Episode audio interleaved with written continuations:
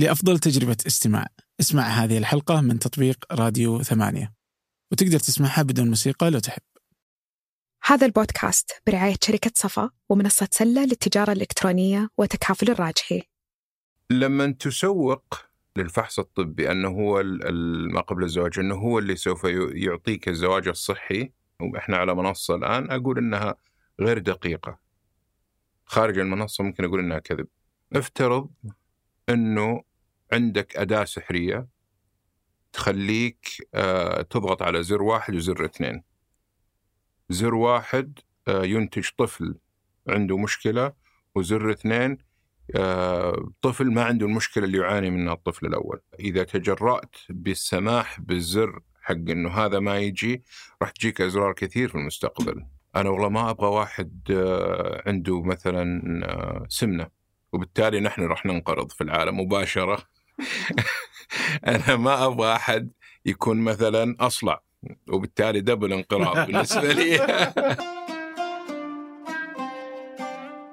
أهلا. هذا فنجان من ثمانية وأنا عبد الرحمن أبو مالح.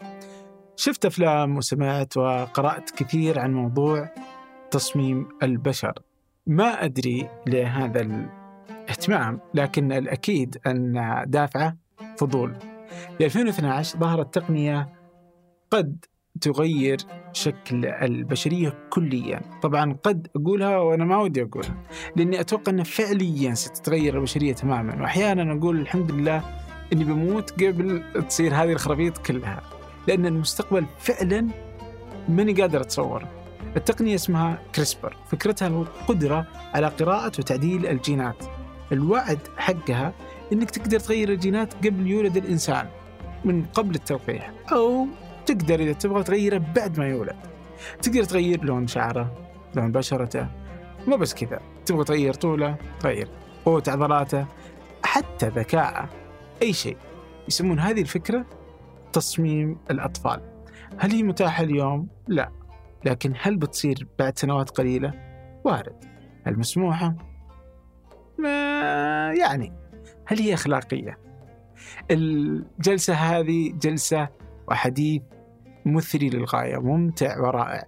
لعلها من أفضل ما سمعته في نقاش هذه الفكرة. مع ضيفي الدكتور عبد الله عدلان مستشار في أخلاقيات في الأخلاقيات الحيوية ورئيس الأخلاقيات بالمعهد الوطني لأبحاث الصحة. قبل أن نبدأ وبالحديث عن الجينات وتأثيرها على حياتنا نشرنا قبل سنة سلسلة من ست وثائقيات قصيرة تأخذك في رحلة مع أصغر مكون فيك اللي هو الجين وتشرح لك بشكل علمي مبسط آه، تأثير الجينات على شخصيتك وصفاتك وأمراضك وحتى مستقبلك. تركت لك رابط السلسلة في وصف هذه الحلقة. إذا عجبتك الحلقة هذه تعجبك هذه السلسلة بالضرورة. شكرا لراعي هذه الحلقة شركة صفا ومنصة سلة. أما الآن لنبدأ. كيف كيف شفت جينو؟ السلسلة؟ والله جميلة والله جميلة كما توقعتها؟ آه ما كانت محايدة ليش؟ كما توقعت ليه من محايدة؟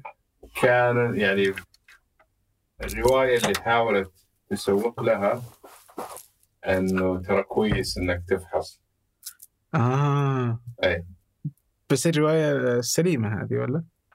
آه حلو إنك تقي آه البشرية مثلا إنه ناس تولد بأمراض آه مزمنة أو بعاهات أو بمشاكل طبية وفقا ل آه، جينات وراثية تناقلها ما بينهم كان يمدي تفاديها.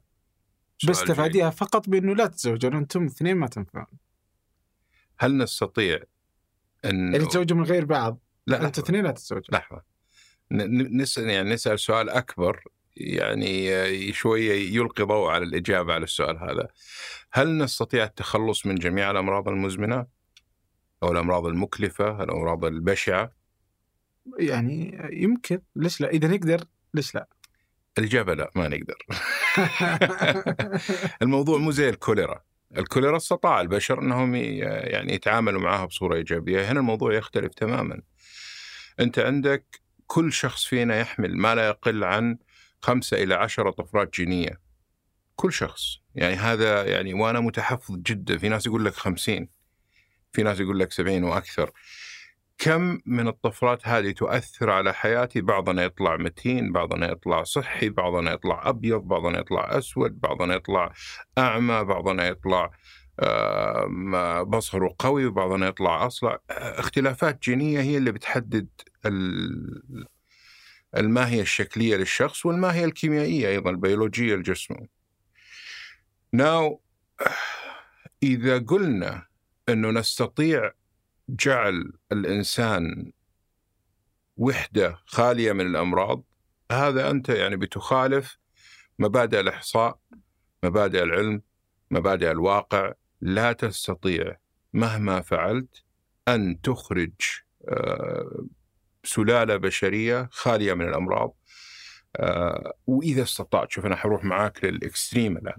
إذا استطعت أنك تنشئ إنسان خالي من الأمراض وخالي من السلالة بشرية خالية من الأمراض لن تستطيع أن تخرج إنسان أو سلالة بشرية خا يعني خالية من المعاناة. معاناة بمعناها الأشمل من المرض. نعم. والمعاناة راح تدخل أيضا في في موضوع آه، الأساس المعاناه هذه هل هي موضوع نفسي ولا موضوع غير نفسي؟ وندخل عاد في موضوع هل هذا له علاقة بالاكتئاب وهل الاكتئاب يورث ما يورث الأمور هذه؟ فأنا أرى الإجابة على أنه نخرج بسلالة بشرية خارجة كما قال الطبيب زي ما يقولوا كأن سلالة بشرية كما أرادها الآلة كما أرادتها الطبية كما أرادها الآلة الطبية. كما أرادتها الآلة الطبية غير منطقي وغير ممكن وغير معقول. وغير أخلاقي؟ آه، هذا موضوع ثاني. إحنا بنتكلم عن فلسفيا الآن. okay. ال ال ال اللي ممكن نسقط عليه حكم أخلاقي هو الأداة اللي يتم استخدامها. ليس الفكرة. الفكرة سامية. آه، الفكرة ما فيها أي نعم الفكرة في حد ذاتها ما في مشكلة. نأتي للأداة التي سوف يتم استخدامها ما فيها مشكلة أخلاقية. بالعكس إذا استطعت إنك تنشئ ذلك الله يقويك روح أنت أساسا حتى على المستوى الشرعي أنت مطالب بإعمار الأرض وجزء من إعمار الأرض أنت مطالب بأنك تعتني بنفسك وبصحتك وتسوي آه، ما يجب أنك تسويه ولا تهلك نفسك ولا تؤدي تقوم بالأمور اللي تؤدي للمهلكة إلى آخره يعني من ال... فالفكرة نفسها ما عندي مشكلة بالفكرة حلو. الأدوات اللي ممكن تقودنا للفكرة قد تؤدي إلى عسكرة المجتمع لصالح لصالح الاله الطبية. الآن الفحص الطبي كم مرض يجبر الزوجان يجبر الزوجان على أن أن أن أن يأخذهما أو يفحصان عن عن الفحص الطبي الملزم للزواج ولا؟ الملزم. كم أظهر أربع أمراض صحيح؟ Yeah. مرضين جينيين ومرضين آه اللي هو sexually transmitted اللي هي الأمراض الجنسيه المعديه نعم. لما تسوق لهذون المرضين أو للفحص الطبي أنه هو ما قبل الزواج أنه هو اللي سوف يعطيك الزواج الصحي هذه أنا من وجهة نظري يعني بحيث إنه إحنا على منصة الآن أقول إنها غير دقيقة. خارج المنصة ممكن أقول إنها كذب. فهي بكل بساطة غير دقيقة بكل يعني الأدب الاجتماعي اللي ممكن يقال في في مثل هالادعاءات. ليه؟ أعرف. سنة إحنا بنسجل آه. من بدري ها؟ آه. الله يستر ما أدري والله إيش قلت. لا لا كثير. أوكي. آه عشان نحدد إذا ممكن ولا لا الادعاء هذا نحاكم تفاصيله. لما نقول صحي إيش نقصد بصحي؟ أتوقع إنهم يقصدون إذا كنت خالي من المرضين. لا لا. إنك سواء الأمراض المعدية واضح ما عندك النقاش عليها؟ لا ما عندي نقاش عليها الآن. أنت عندك على الوراثية. نعم. يعني إذا مثلا اول شيء هم وش يعالجون. أي sickle cell anemia اللي هي الأنيميا المنجلية والبعض ومرض آخر يتعلق بالهيموغلوبين أمراض الدم. فإذا أنا بقي الأطفال إذا من من هالمرضين لأنهم واضح إنهم كانوا منتشرين آه، هذا المرضين آه، عند الناس. وخصوصا في مجتمع يعني بتوقع أنا ما أعرف إيش جالسين يسوون الحين أنا جالس أكيس. إذا تسمح لي. الكيس عندي واسع. والله كلهم يكيسون بس كمل. كلنا ذاك الرجل. أقول يمكن لهم درسوا ال- الجينوم السعودي أو المشاكل الموجودة عند آه، في السعودية أو في الخليج. ووجدوا إن هذين المرضين آه، ينتشرون عند ب- بحكم تقارب الناس. وزواج الأقارب. فلذا عشان نقضي عليهم يجب أن نتأكد إنه إنه ما هي موجودة عند أحد الطرفين يعني إنه إنه ما راح يورثونها لاولادهم. بالضبط فنسوي هذا الفحص الطبي. نعم. وهذا كلام جميل ترى وهذا على اساسه تم يعني اختيار المرضين هذه وتم آه، إجبار الناس عليها. نجي للأداة علشان نصل للهدف هذا. أوكي الاداء عبارة عن تدخل في الحياة الاجتماعية. الآن أنت كأنك بتقول إنه أنا عندي قيمتين أو بلا صح عندي أكثر من قيمة لكن بحاول أطلع القيم من الجملتين أو الثلاثة اللي تفضلت فيها حضرتك. قيمة اقتصادية وإن كنت أنت ما ذكرتها بصورة مباشرة بس إنه المرضين هذول مكلفين جدا على على يعني ميزانية الدولة. قيمة اجتماعية أو بلا صح قيمه شخصية اللي هو بتعريف إنه الشخص هذا على سبيل نا- ناخذ مرض السكلس هو الأبشع مثلا يحتاج الشخص إنه كل أسبوعين يجي له كرايسس يدخل المستشفى يصير ادكتد على أدوية محددة وبالتالي هذه ال- ال- ال- القيمة الصحية الشخصية ال- ال- لها لها تبعاتها المؤلمة. أيضا هناك قيمة على مستوى الاجتماع اللي هو قيمة الزواج نفسه إنه هذول الاثنين آه، المفترض إنهم ما يتزوجوا لأنه لو تزوجوا حينتجوا هذا الشخص اللي راح يعذب اللي راح يكلف ال- ال- ال- الآلة الطبية كذا وكذا وكذا تتابعية. فجاء الفحص الطبي قال نجي من تحت. رقم واحد اللي هو نستطيع ان أن آه، آه، نتدخل فيه. أنتم يا الاثنين آه، أول حاجة راح نقول لكم لا تتزوجوا. ممتاز؟ ما راح نوقف عن هنا.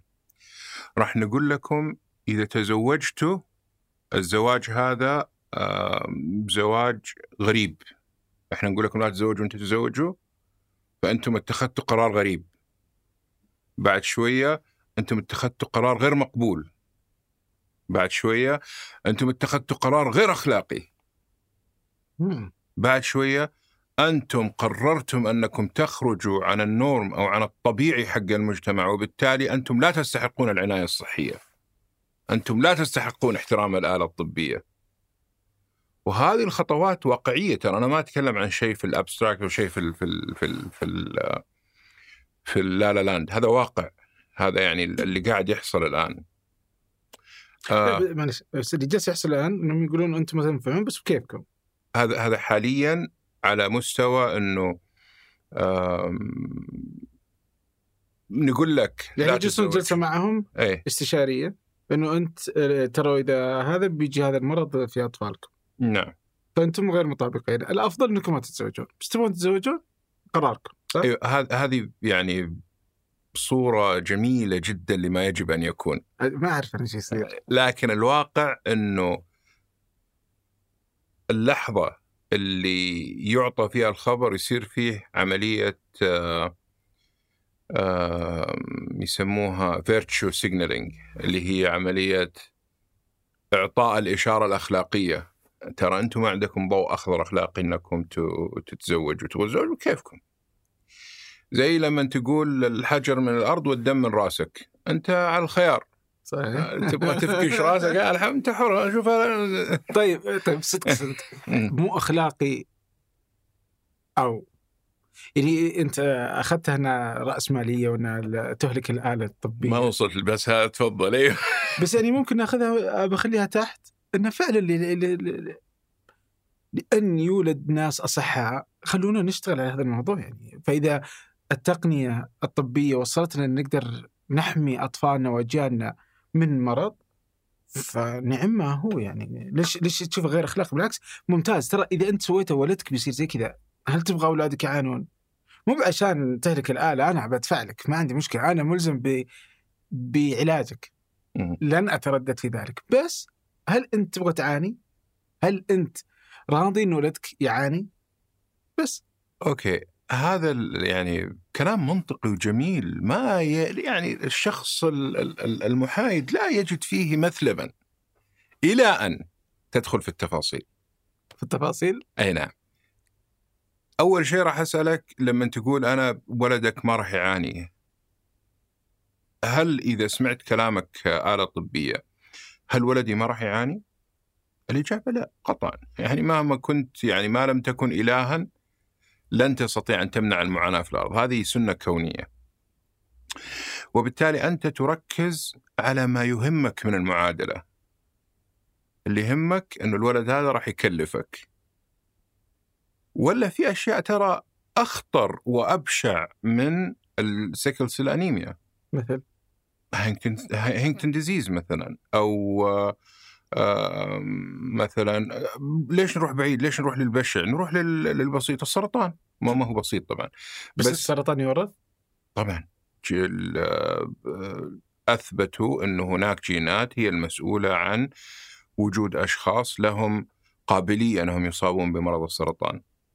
يعني مثلا آه، سرطان الثدي، سرطان آه، البروستاتا، سرطان القولون كلها في مورثات محددة هي اللي وجودها يؤدي إلى نسبة أكبر من حدوث المرض. وبالتالي آه، إذا نبغى نفكر في الإنسان المؤتمت طبيا خلينا ننتج هذا الإنسان السوبر. ولكن نجي للفكرة أنه لن نستطيع وبالتالي نحن بنختار من الرواية الشيء اللي يناسبنا ثم نضع فيه آه، أحكام إنه ترى إذا ما تزو... إذا تزوجتوا ف يعني يعني أنتم ترى في بعض الدول وصلت من الدول ال- يعني اللي حولنا وصلت إلى إنه تبغوا تتزوجوا okay بس آه، أول شيء المنع ثم لما وجدوا في مقاومة من المجتمع قالوا okay بس ترى ما لنا علاقة بعلاج أطفالكم آه. طيب هذا الطفل اللي قاعد يتألم إيش دخلوا في الغلطة التاريخية اللي ارتكبها والديه؟ إذا اتفقنا أنه هذه كانت غلطة تاريخية. نيجي الموضوع اللي بدينا فيه من البداية اللي هو تغول الآلة الطبية على القيم الاجتماعية. أنت ذكرت مثلا زواج الأقارب بصورة كذا عرضية أنه هي السبب قد تكون في آه، آه، نسبة الأمراض الوراثية المرتفعة.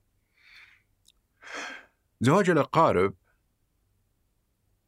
قيمة اجتماعية ترى مهمة عندنا. في بعض الأسر معتمد يعني آه، أو القبائل معتمد آه، آه، ال- التوافق الاجتماعي على عملية الزواج نفسها.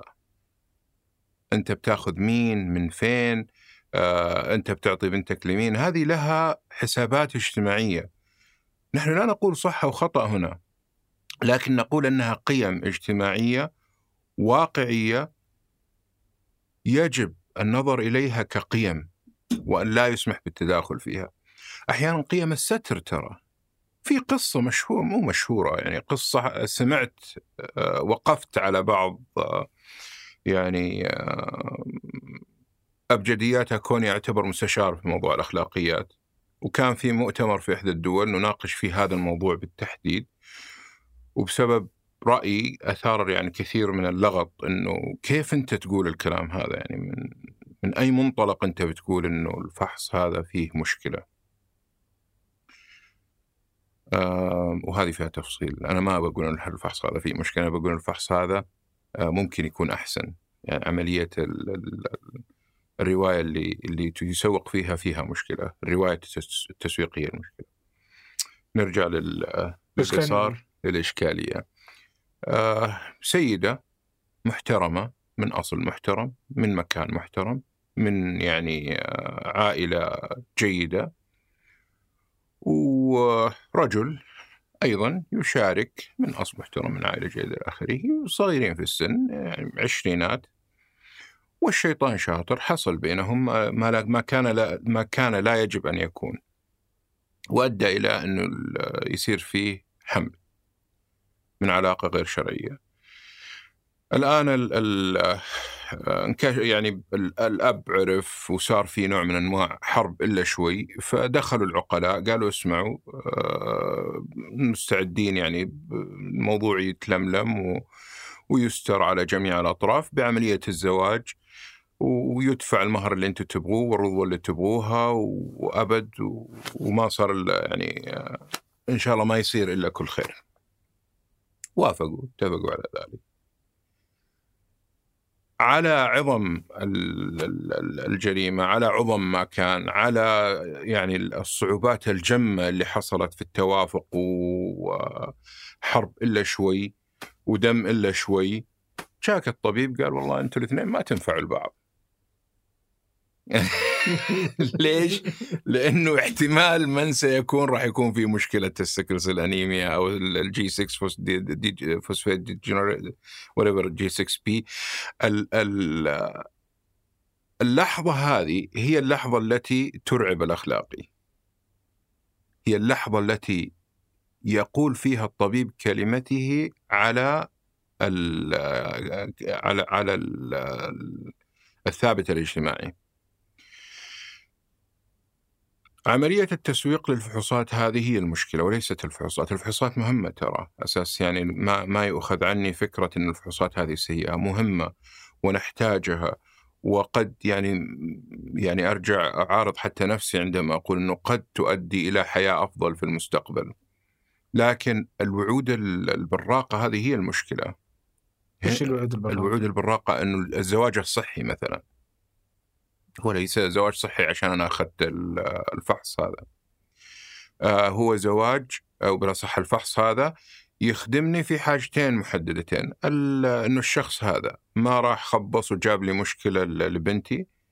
والشيء الثاني إنه الشخص هذا وبنتي ما عندهم ال sickle cell anemia وبالتالي المستقبل للأطفال بإذن الله يعني على the best of my my my ability إنه ما راح يكون فيه. هذا بكل بساطة اللي بيقول الفحص هذا. ما هو زواج صحي ما هو الكلام الكبير اللي قاعد ولا ولا يقلل من زواج الأقارب إلى آخره يعني من الكلام هذا. كشفت حرب غزة حاجتنا لخدمة إخبارية موثوقة خصوصا مع انتشار الشائعات والأخبار المزيفة. فصحيفة الشرق الأوسط تقدم عبر منصاتها تغطيات حية لكل جديد وتحليلات عميقة وآراء متخصصة. عشان تعرف آخر الأخبار من مصدر موثوق تابع الشرق الأوسط صحيفة العرب الأولى. الجماليات المعمارية مهمة بس جودة البناء أهم وحداثة التصاميم مهمة لكن الخدمات والمرافق أهم. المهم والأهم مضمون. تملك المستقبل مع وحدات شركة صفاء للاستثمار. أعرف أكثر من الرابط في وصف الحلقة.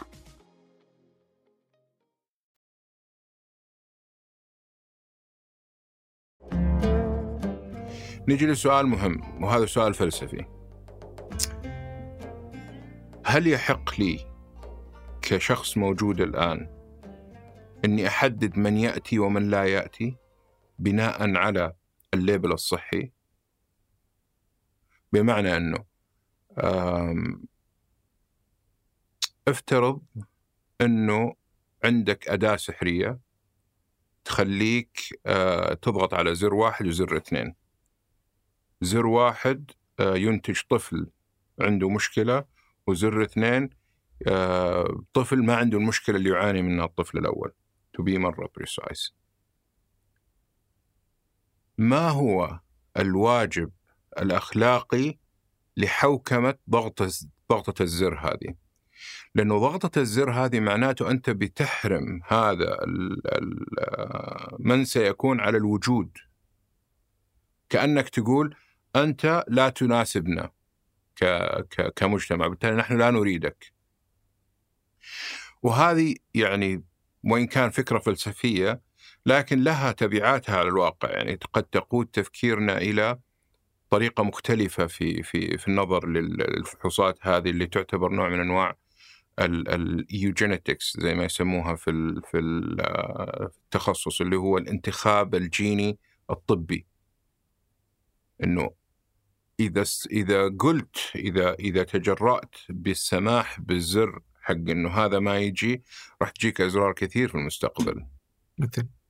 أنا والله ما أبغى واحد آه، عنده مثلا آه، سمنة وبالتالي نحن راح ننقرض في العالم مباشرة. أنا ما أبغى أحد يكون مثلا أصلع وبالتالي double انقراض بالنسبة لي.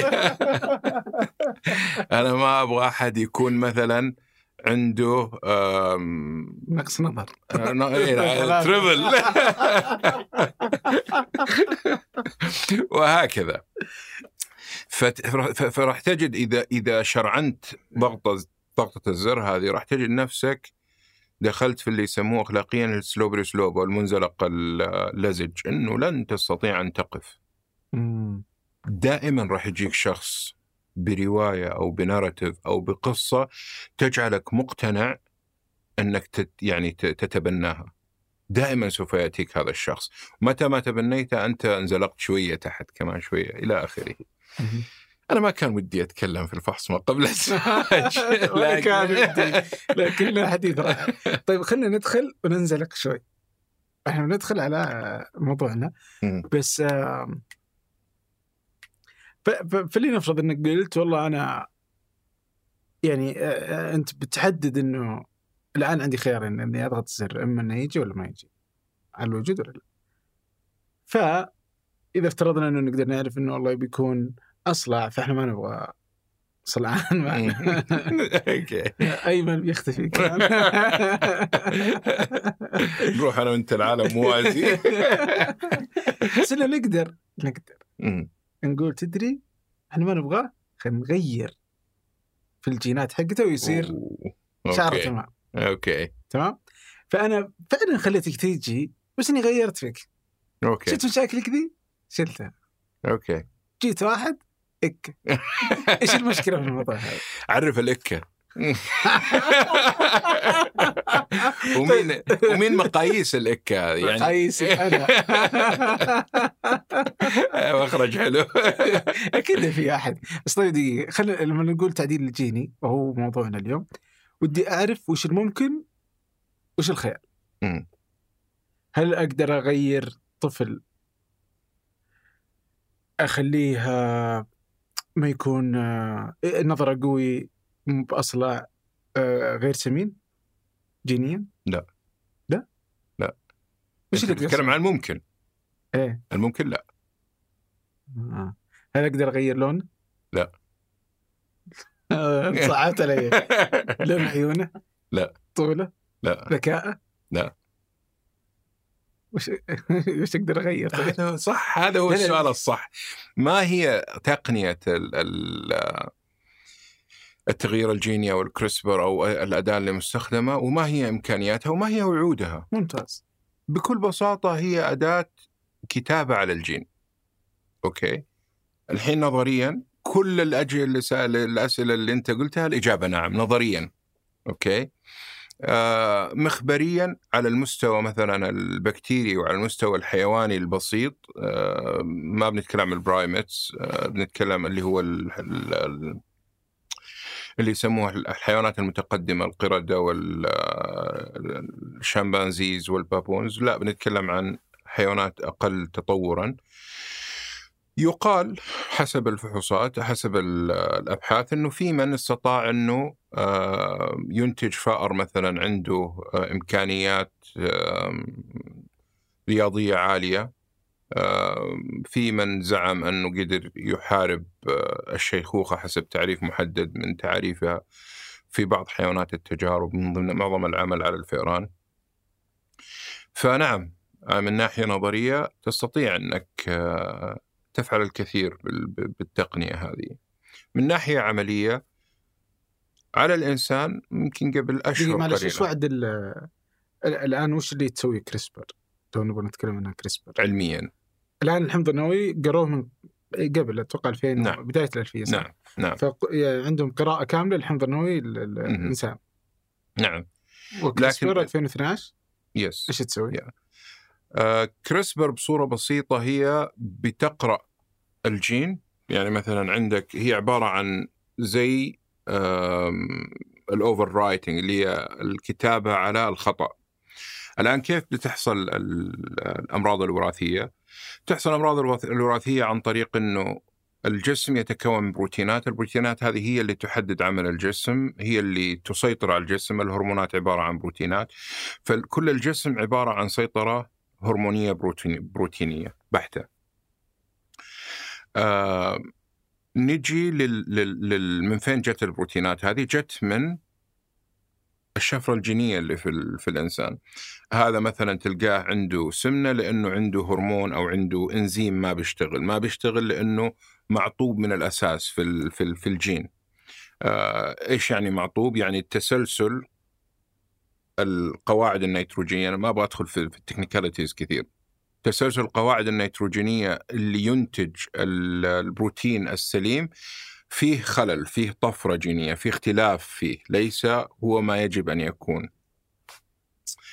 فبينتج آه، شخص عنده ضعف في إنتاج هذا الإنزيم أو هذا البروتين أو هذا الهرمون وتبر المادة اللي بينتجها وبالتالي أدى إلى إنه هذه عملية الحرق مثلا في جسمه ما هي مثل الحرق في جسم الرياضي المتماثل وبالتالي تراكم الدهون عنده إلى آخره يختلف. فهذا كيف بيصير المرض على يعني على زي ما تقول ب باختصار مخل جدا جدا جدا. okay. نجي إيش بتسوي CRISPR؟ CRISPR بتقرأ أنا عشان أوصل لمرحلة CRISPR لازم أول حاجة أعرف إيش هو الطبيعي بالنسبة للجين هذا بالتحديد الجين اللي أنا بتكلم عنه. إيش هو الغير طبيعي؟ الطفرة بالضبط أكون عارفها إيش هي. وبعد كده آخذ الطفرة هذه أعرف عليها CRISPR أحط أقول لك CRISPR لما تقرأ إذا وصلت للطفرة هذه الطفرة هذه عبارة عن sequence محدد من أربع قواعد نيتروجينية باختلافها. طبعا ممكن يكون 20 ممكن يكون 1000 وتبر التسلسلات هذه بس هم عبارة عن أربع قواعد جينية تتكرر بصورة مختلفة. متى ما وصلت إلى هذه القراءة اللي بالنسبة لي قراءة معتلة واللي راح تعطيني مشكلة تعال قص هذه القراءة. وحط مكانها القراءة السليمة. كذا يبرمج مجموعة الإنزيمات اللي بتشتغل الكريسبر هذا بداية الكريسبر نجح في في في الزراعة في إلى حد ما نجح في آه، يعني في في بعض التخصصات. ثم قالوا ليش ما نستغل يعني الفكرة هذه في الطب. جميل. كيف ناويين تستغلوا الفكرة هذه في الطب؟ نبغى ننتج علاجات. ممتاز. انتجوا علاجات الله يوفقكم. طالما إنه العلاجات هذه ما راح توصل السوق إلا بعد ما تأخذ حقها من الدراسة ما عندنا مشكلة. ثم جاء العفريت أو العالم العفريت اللي قال لك لحظة أنا أقدر أغير في نظريا في مستقبل البشرية. أقدر ألعب في خلايا المنشأ. أقدر ألعب في الإنسان قبل أن يصبح إنسانا عندما كان حيين وبويضة. أقدر ألعب على مستوى الحيين وعلى مستوى البويضه وأخ وأخرج الإنسان الخارق الأكة.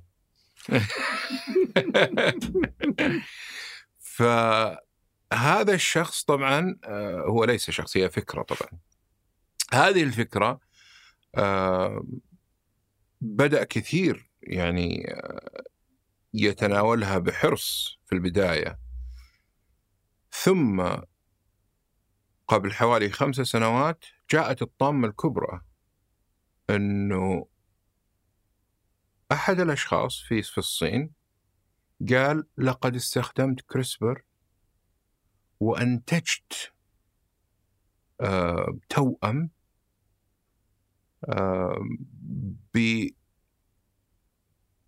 بتغيير خريطتهم الجينائية الجينية قبل الولادة وجعل هذين الطفلين عندهم مناعة من مرض الإيدز. طبعا أصبح العالم الطبي كله متوتر من هذه المعلومة. تعال هنا أنت إيش سويت بالضبط؟ كيف سويت وصلت لمرحلة أنك تستخدم CRISPR على ال human genome على ال على ال gametes ال human gametes إيش بالضبط اللي إنت سويته؟ وكيف تقدر تعرف إن اللي إنت سويته هذا يعني ما له تبعات خطيرة؟ يعني ما هو تبعات عادية.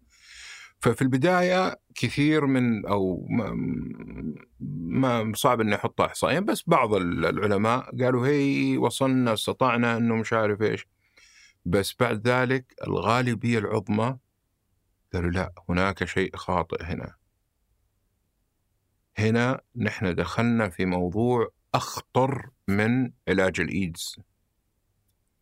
يعني اولا ما نعرف ما نعرف إيش اللي حصل.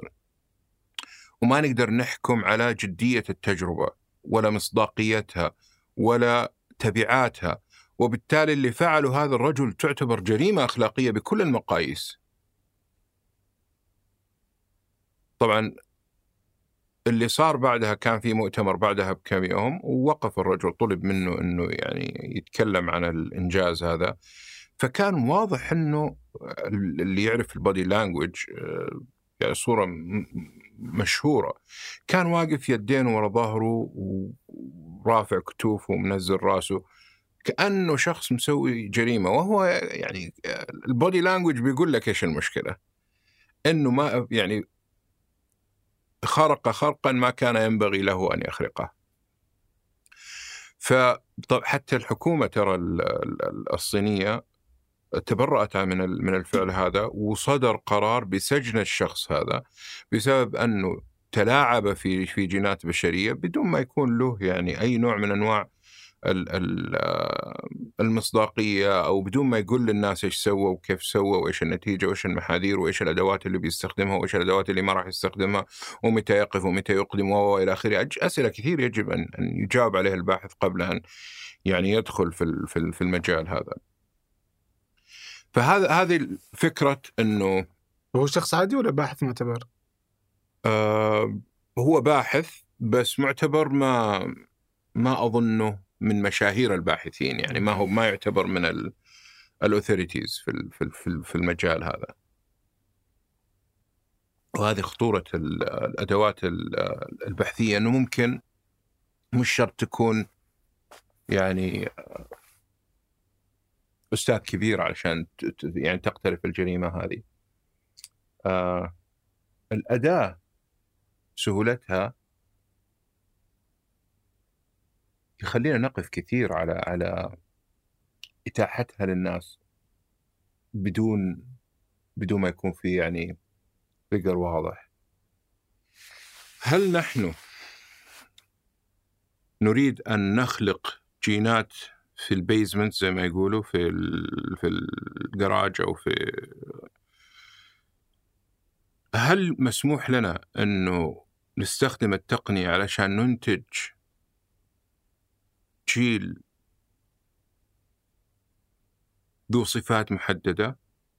كل هذه الأسئلة اجمعها وراح تلقاها عبارة عن كرة ثلج. كل ما تدحرجت كل كل ما تكبر. ولن تجد لمعظمها إجابات. وبالتالي القفز إلى ليش ما نستخدمها عن كذا كذا كذا؟ أنا أقول لك ترى قبل حوالي شهر أو شهرين تم الإعلان عن دواء بعلاج جيني محدد يعالج آه الظاهر مرض أو مرضين والله ما أذكر. قد يكون السكلسل من ضمنهم ما الظاهر إنه السكلسل من ضمنهم.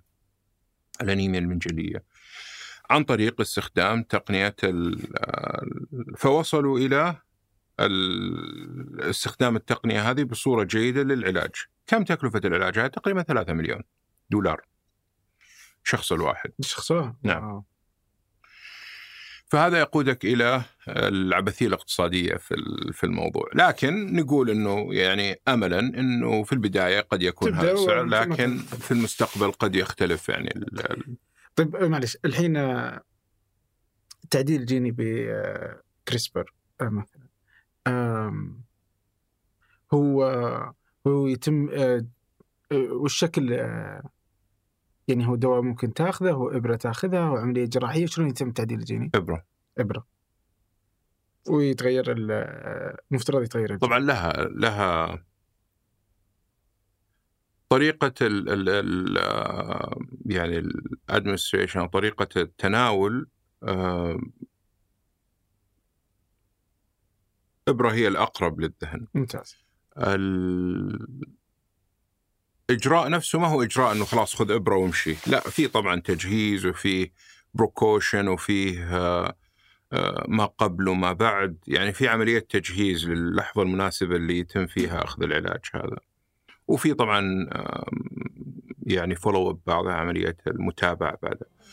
فالموضوع ليس فقط حبة تنبلع أو إبرة تنضرب أو لا هي عبارة عن ريجيم كامل من بس إنه الأكشن إبرة. أنا محمد آل جابر. وأنا هادي فقيهي. وهذا جديد ثمانية بودكاست جادي. كل أسبوع بنجلس نتناقش حول مواضيع اقتصادية واجتماعية ونتناولها من زوايا مختلفة. ونعرض فيها سياق جديد للأحداث والظواهر الاجتماعية. اشترك في بودكاست جادي من خلال الرابط في وصف الحلقة.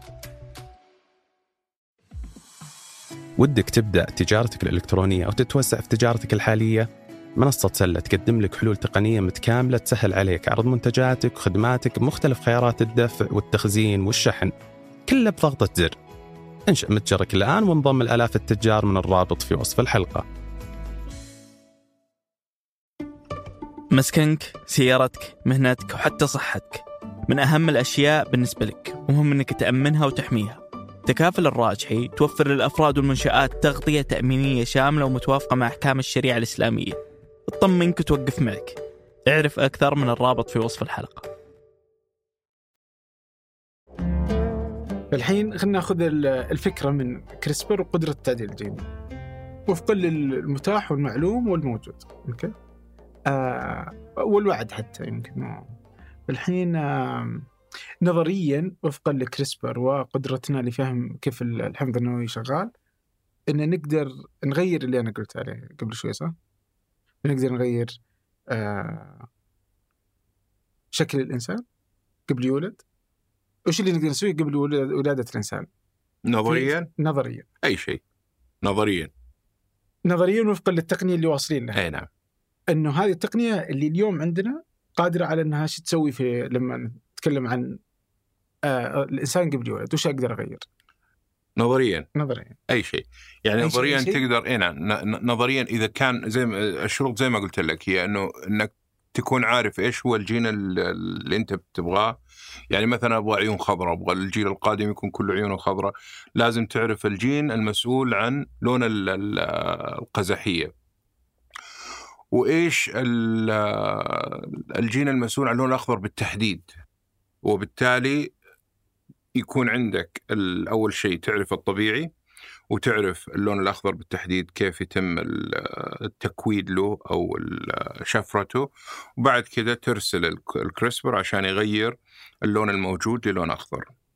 نظريا إذا أنت عارف إيش هو الجين، إيش هو الطبيعي، وإيش الطفرة الحميدة اللي أنت تبغى تخلقها نعم. طيب آه، هم عارفين الآن وش آه، في العين. أشياء كثير تم الإجابة عنها. في في طبعا لون العين منها. لون العين لون البشرة آه، القوة البدنية ال- معظم الأمراض يعرفوا ال- الكودونز حقها. مثل إيش؟ سرطان مثلا. في في أن- طبعا السرطان كلمة كبيرة لكن في أنواع كثير من السرطان معروفة اسبابها الجينيه الأشخاص اللي عندهم الطفرة الجينية هذه هم أكثر عرضة للمرض من غيرهم. آه، في ناس يقول لك لا ترى في حتى على مستوى ال ال آه، الأمراض النفسية. في ناس عندهم توحد مثلا بعض الناس بيت- بيتكلم عن جين مخ- مخصوص للتوحد. في ناس بيتكلم عن الاكتئاب اللي عندهم الجين هذا أكثر عرضة للاكتئاب نجي نطلع مثلا من ال- الأمور ال- النفسية ندخل حتى في الأشياء الجسدية. السمنة الطول العرض اللياقة قوة القلب قوة العضلات قوة العظام آه، طبعا قوة العظام أقصد كثافة العظام ال- هذه كلها صارت اليوم معلومة الجينز معلوم. اللي, اللي المسؤول عنها. يعتقد فيها المسؤول عنها معلومة إلى حد كبير ف فعليا يعني فنقدر نعرف آه، إنه هذا آه، الجين هو المسؤول عنه ونقدر نعرف إنه هذا هو العطب اللي إذا في عطب نقدر نعرف إنه في عطب اليوم؟ نظريا اي آه. نظريا نعم بس سؤال مو كذا م. السؤال هل مجدي إني أغير؟ إيه ليش م- الاسريه توقف مجدي لا؟ كم يعني- حتغير؟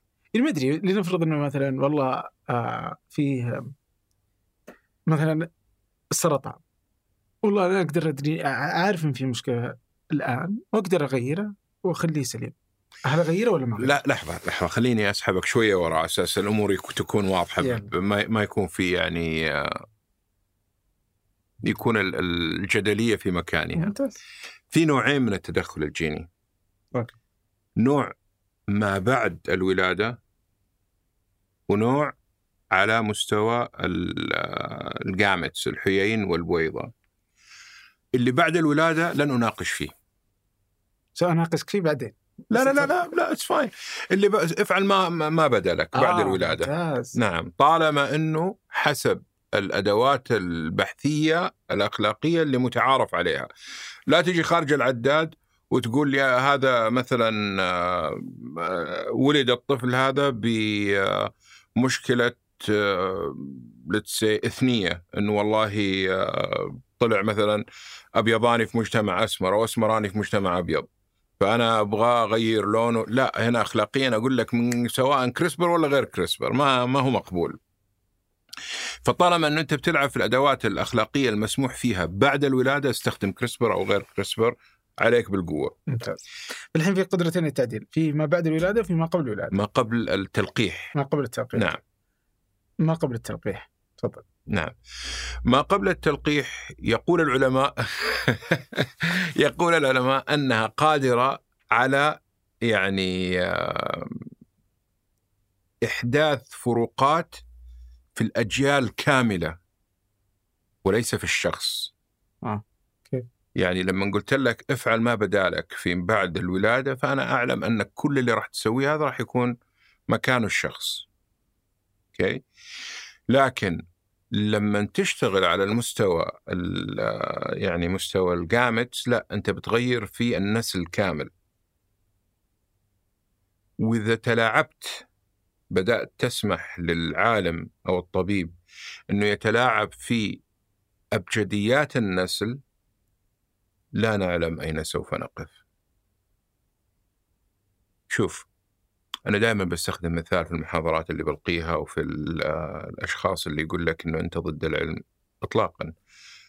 هل الفرامل ضد السواقة؟ إطلاقا. أنت لو عندك سيارة من أجمل السيارات ما ححط دعايات وأقول لك سيارة كذا من أجمل السيارات وأسرع السيارات في الكرة الأرضية. هندسة السيارة هذه بتعتمد على أشياء كثير لكن أهم حاجتين قوة الماكينة عدد الأحصنة اللي ممكن تستخدمها الماكينة والسرعة اللي ممكن توصلها وقوة البريكات اللي موجودة فيها. لأنه أنا لو أعطيت لك أجمل سيارة في الكرة الأرضية وأسرع سيارة في الكرة الأرضية بدون فرامل أنا بحكم عليك بالموت. straightforward ادعس واستمتع. 100 120 200 300 تيجي تبغى الفرامل في اللحظة اللي أنت محتاجها؟ في. هذا تابوت متحرك وكذلك العلم. العلم إذا ما كان فيه الأدوات التي توقفه عند حده فهو تابوت متحرك. عشان كذا نحن عندنا مشكلة كبيرة في تعديل الجيني على النسل ما قبل ال- ال- ال- البويضة على على على ماهية البشرية كما نعرفها. إذا سمحنا لأحد أنه يتلاعب فيها بأدوات ناقصة ترى كريسبر ناقص ناقص؟ راح نتكلم فيها بس خليني أكمل فكرتي. بتكمل. بأدوات ناقصة فنحن لا نعلم أين سننتهي. يعني أنا وأنت بكرة حنكون منبوذين اجتماعيا.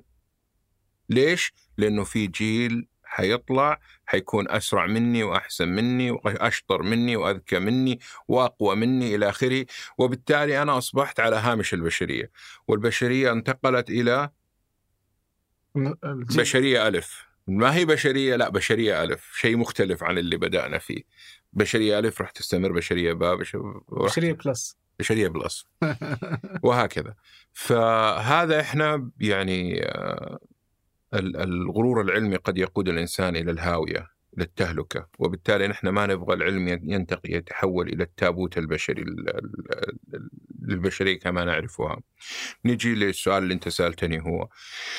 ليش كريسبر ما هو كامل؟ نفترض قصر. الحين ال- ال- ترى الفلاسفة يحبوا يعطوا ال puzzles هذه فخلينا نلعب البازل هذه. افترض معايا قصر أوكي فيه كثير من التحف المنمنمات اللي ممكن تتاخذ في الجيب. جواهر وأشياء جميلة بس إنها ممكن تتاخذ في الجيب ما حد يدري عنها. لكن لكل قطعة قيمتها ال- العالية في موروث الأمة هذه اللي, بت... اللي صاحبة القصر. وصار في مشكلة داخل القصر واصحابه ما هم موجودين، المشكلة هذه قد تؤدي إلى يعني مثلا مشكلة كهرباء ولا مشكلة بناء ولا ترميم ولا انفجرت ماسوره مويه و... وما في طريقة إنك تدخل أحد يعالج المشكلة هذه قبل أن ينهدم القصر إلا شخص جسمه قليل يدخل من فتحة صغيرة. أوكي؟ لكن الشخص هذا حرامي سروق. أوكي؟ لا تستطيع أن تتنبأ بما يمكن أن يفعل. لكنه الشخص المناسب للدخول من المنطقة هذه وعلاج مشكلتك اللي هناك. Alright هل تخليه يدخل؟ يوتر. يعني هذا هو مشكلة ال CRISPR. ال CRISPR إنه سروق. يعني إنه أنت بتدخل هذا يعني آه، أداة بهيمة بتقول لها اقري يا هذه الأداة هذه الطفرة أنا ما أبغاها. أوكي؟ طيب التسلسل هذا بالصورة هذه في المكان هذا مرض. لكن قد يكون وهنا ترى يجي الجهل البشري قد يكون التسلسل هذا نفسه في مكان آخر من الجينوم. أوكي؟ ليس مرض. بس الأداة البهيمة هذه ما راح تعرف. راح تروح تغير لك اللي أنت تبغاه يتغير واللي ما تبغاه يتغير. وبالتالي أنت بتغير ال- اللي أنت تبغاه يتغير وأشياء كثير ما تبغاها تتغير قاعدة تتغير معك. والمشكلة أنك لا تعلم ما الذي لم يت... ال- الذي تغير وما... من المستحيل أنك تعرف. إيش بالضبط كريسبر سوى؟ تعرف جزء اللي أنت اخترت إنك تعرفه واللي أنت برمجت الكريسبر إنه يسويه. أنا أبغاك تدخل تغير لي كذا. طيب أنا حدخل أغير كذا بس ترى في الطريق حسوي اللي أنا أبغاه. لا بس دقته عالية؟ لا. دقته عالية نجي لتعريف الدقة. دقته عالية في الشيء اللي أنا أبغاه. روح اقرأ هذا الكود متى ما تلقى هذا التسلل غيره بالتسلل هذه. كذا. Alright بس الجين أو الجينوم في تسلسلات كثير متشابهة وبالتالي في تغييرات كثير غير مرغوبة. الآن في بحوث في جامعة كاوس في King عبد الله في في في, في آه، ثول. أحد الباحثين مو لي آم، آم، مو باحث آه، قابلته والله قبل يومين باحث آه، ياباني. هو ال senior scientist في ال- في المختبر هذا. آه، هو مو مستر مو أو دكتور مو. البحوث حقته كلها بتتركز على تخفيف الآثار أو التغيرات الغير مرغوبة في CRISPR.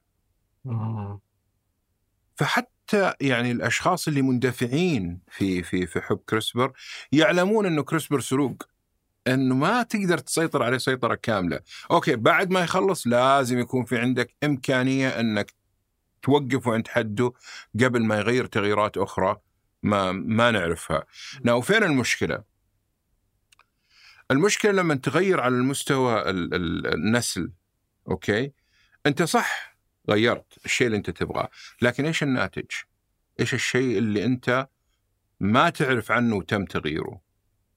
قد يكون مثلا الشخص هذا آه، وأنا طرحت السؤال هذا على آه، دكتور مو قلت له طيب هل الأدوية اللي خرجت هذه تعتبر أدوية مأمونة؟ كانت اجابته واضحة جدا قال لي أنت عندك الحين مرض المرض هذا بيؤدي إلى أنه يحصل كرايسس كل أسبوعين آه، مصيبة كل أسبوعين لازم الشخص يعني يدخل على المستشفى ويأخذ علاجات مكثفة وقد يؤدي إلى الإدمان وقد يؤدي إلى مشاكل اجتماعية ثانية. في مقابل إنه عندك علاج ممكن يؤدي إلى إنه بعد يعني عشر سنوات ما يدخل الطوارئ. بسبب المرض السكل سيل مثلا الأنيميا المنجلية. ولكن بعد عشر سنوات ممكن يجي له سرطان ممكن يجي له صرع ممكن يجي له توقف في الدورة الدموية ممكن يجي له قلب ممكن يجي له أي شيء. ما ندري. ما نعرف. سروق. اوه فهنا أنا مش المشكلة ال- ال- ال- الغطرسة العلمية اللي بتسوق للتقنية هذه على أنها هي الحل لجميع مشاكل البشرية أنا ضد ال- ال- الفكرة هذه. وفي المقابل أيضا ضد الفكرة حقت إنها يعني تقنية ملعونة ولا يجب أن تلمس وهي رجس من عمل الشيطان، لا أقول بذلك أنا. لكن أقول إنه كل شيء يجب إنه يكون فيه يعني باور هورس قوة احصنه عشان نندفع للامام بقوة في فرامل وفي فرامل تنجينا من الموت المحقق في الانعطافات الحرجة. بس الآن آه، التطور العلمي برضو آه، متسارع نعم آه، فممكن نصل يعني خصوصا مع وجود الذكاء الاصطناعي ممكن نصل إلى قدرة عالية جدا ودقة مهولة في تحديد بالضبط وش اللي نبغى نوصل له ونحدده إذا وصلنا الله يوفقنا. بس يعني ما تستبعد وصولنا إلى هذه لا ما أستبعد. يعني طالما أوكي. خلينا يعني نضع الأمور في نصابها. ابتعد عن الأحلام الوردية. ادرس الواقع كما هو. ابدأ صغيرا ثم أكبر. لا تعد الناس بأكثر مما تستطيع أن تقدم. قدم الضرر قبل أن تقدم الوعد بالعلاج.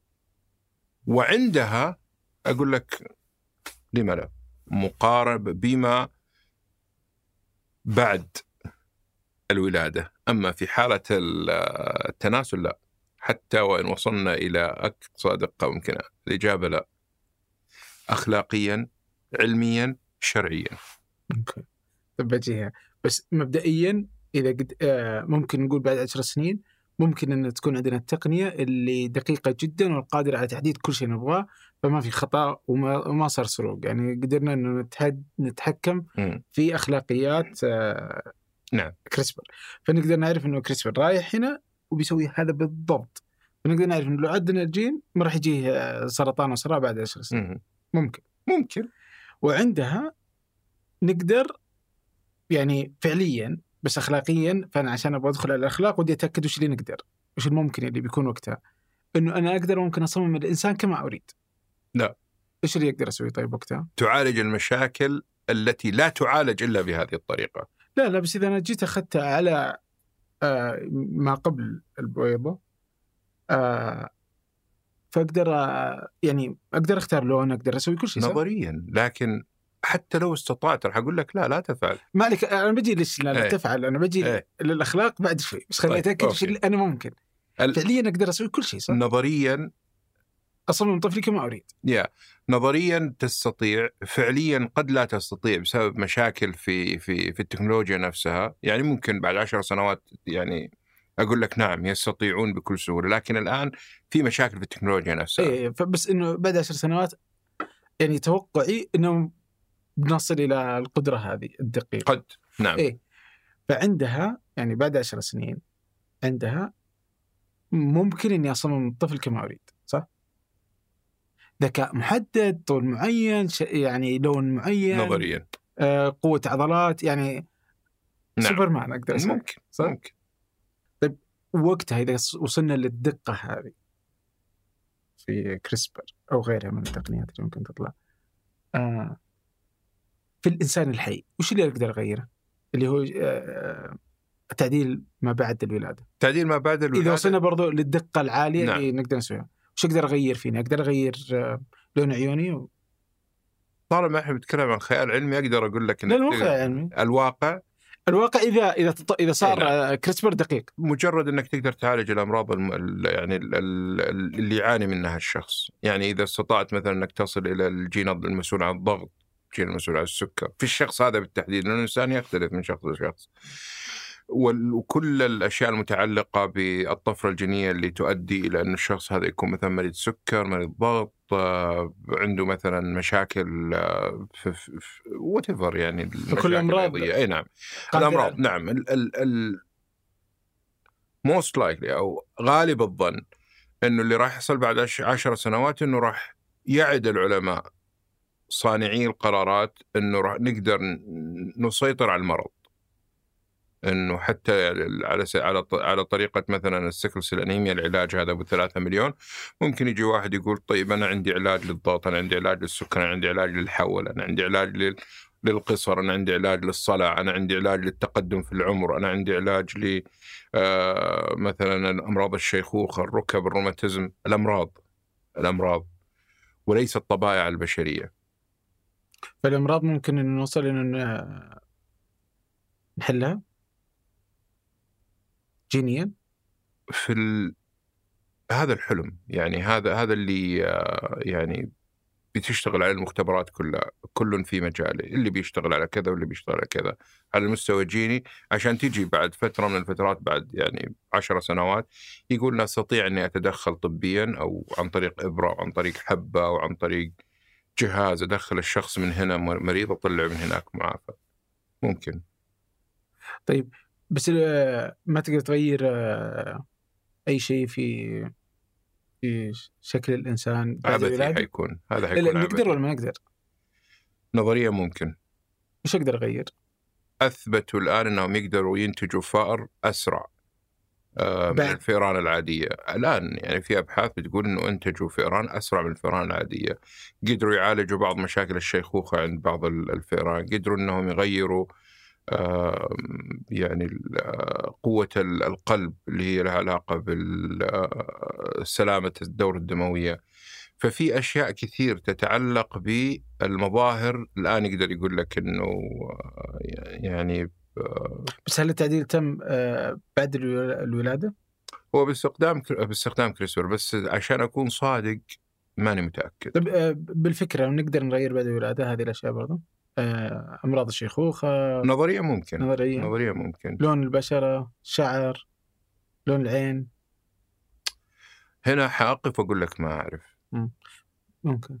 yeah. قد يعني وش اللي يحدد؟ نظريا انها yeah. لأنه راح يكون في عندك جين تم يعني آه، لما تقول أغير معناته أنت already عندك جين شغال. إيه. فإنك تغيره ماني متأكد من البيولوجية حقتها كيف راح آه. تشتغل. ف طبعا واللي يتم ما قبل الولادة يصبح جين آه، قابل إيه. للتوريث. اي نعم. فيورث. اي نعم صحيح. أوكي. فإذا عدلته وصار آه، معضل ما يحتاج إني أعدل أولاده. خلاص إيه. خلاص هي فأنت بتغير البشرية كلها. yeah الحين هذا الممكن. واللي يعني الممكن والحلم. والحلم. إيه. آه والحلم اللي ليس بعيد يعني. إيه، تتكلم عن. فكرة آه يعني ممكن. ممكن. آه فنجي الحين لل ليش لا؟ ليش ما نسويها؟ يعني ما اللي يمنعنا إنه نسوي كل هذه؟ إحنا بنتكلم عن مرحلة ال- الجامت أو الحيين والبويضة الهوية الإنسانية ارتكزت على أشياء كثير. من ضمنها الهوية البيولوجية. والمشكلة أن هناك الكثير مما لا نعرف. يعني بكل تواضع يجب على الإنسان أن يقول أنا هنا لا أعرف إذا كان هذا يعني يعتبر آه نهاية بشرية أو بداية لشيء جيد الهوية البشرية كما نعرفها. وبالتالي أي تدخل في هذا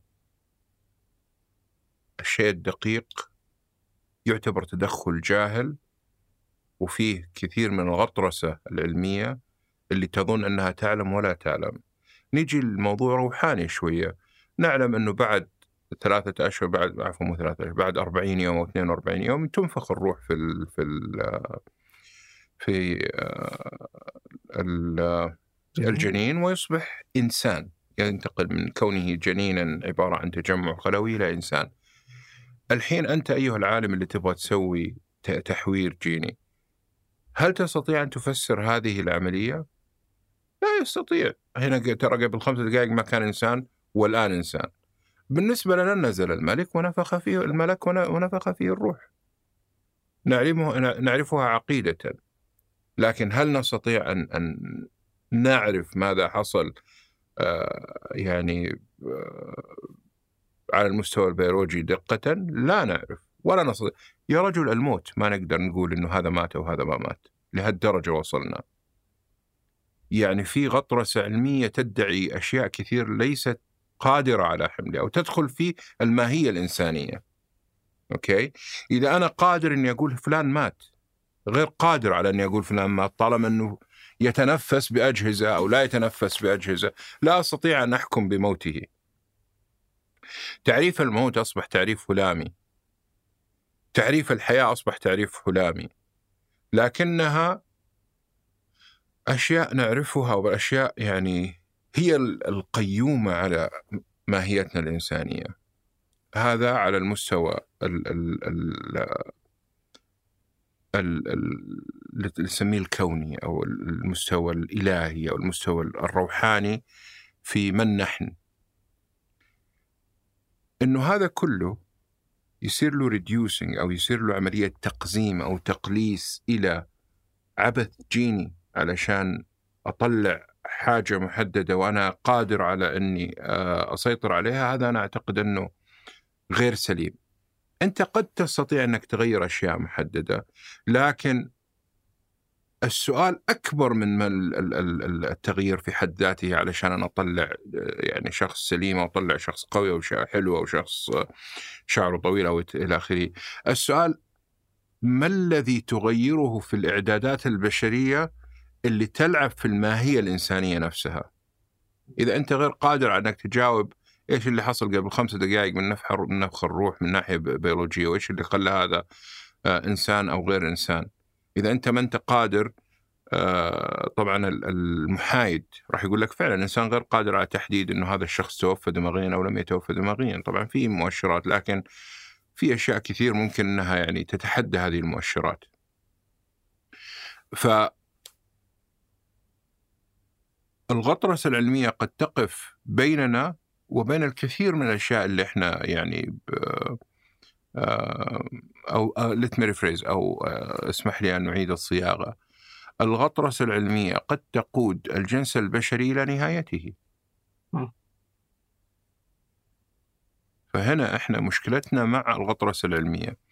نحب العلم ندعم العلم آه، ندين للعلم بأشياء كثيرة نتمنى أن يتطور العلم.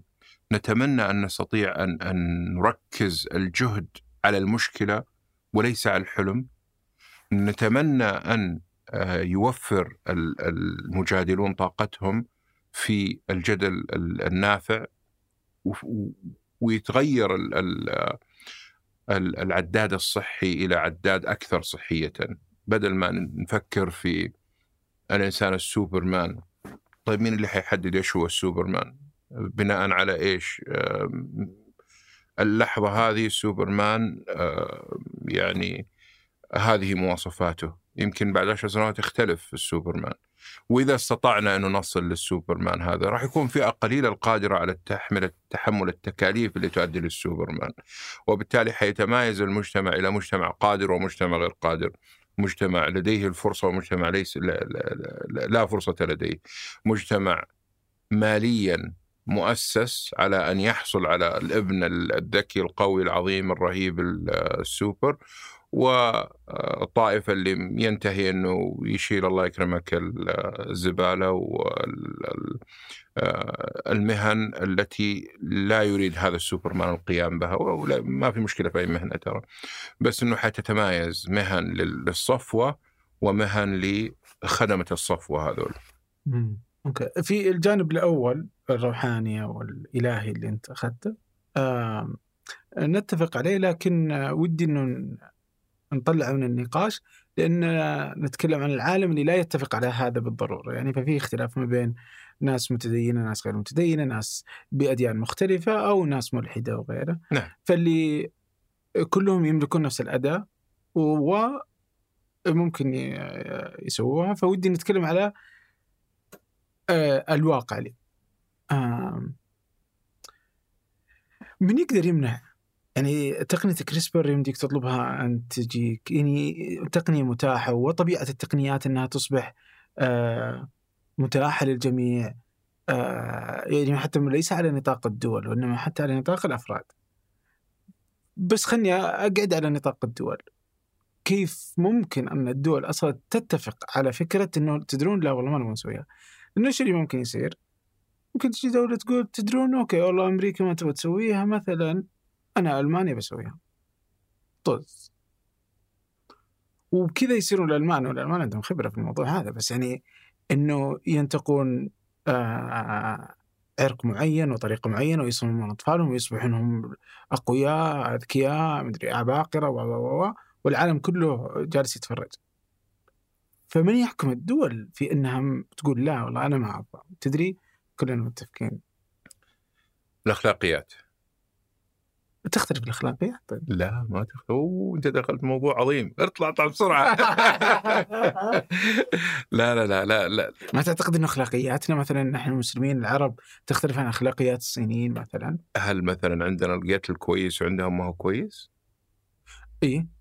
يعني إحنا نقتل يعني عندنا الإعدام والأمريكان يشوفونه يكي لا هذه العقوبات هذا موضوع آخر. تمام لكن بس يعني بس أنا هل... أقتل إنسان إني أشوف إنه ولكن في القصاص حياة وهم يقولون لا ليش تقتل الإنسان؟ أنا أنا أتكلم عن القتل المجرد.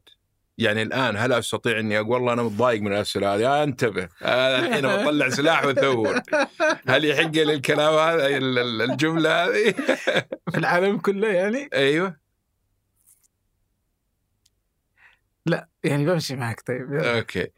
حيث إنه قدرنا نكود قيمة أخلاقية محددة. الجميع يتفق عليها. نجي للهوامش هذه دائما في اختلافات في الهوامش. معلش لا لأن النقاش بتراجع اجابتي لأن النقاش أخلاقي.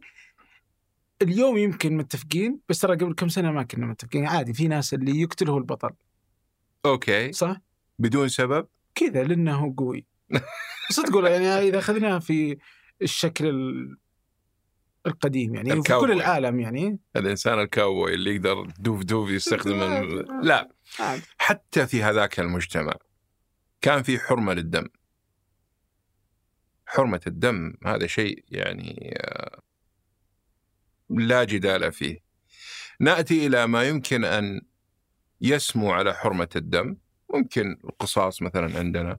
في هذيك الزمن عند الكاوبويز كان مثلا الأنفة إنه أنت تحديت نهاية أنت حتدفع بالدم حتدفع بالتالي ما ي... ما يجي واحد مثلا جالس في مطعم ولا على طريقة الكاوبويز في البارات ولا في هذا ويجي فجأة يثور بالمسدس. ما تجي لازم في مقدمات تحل الدم.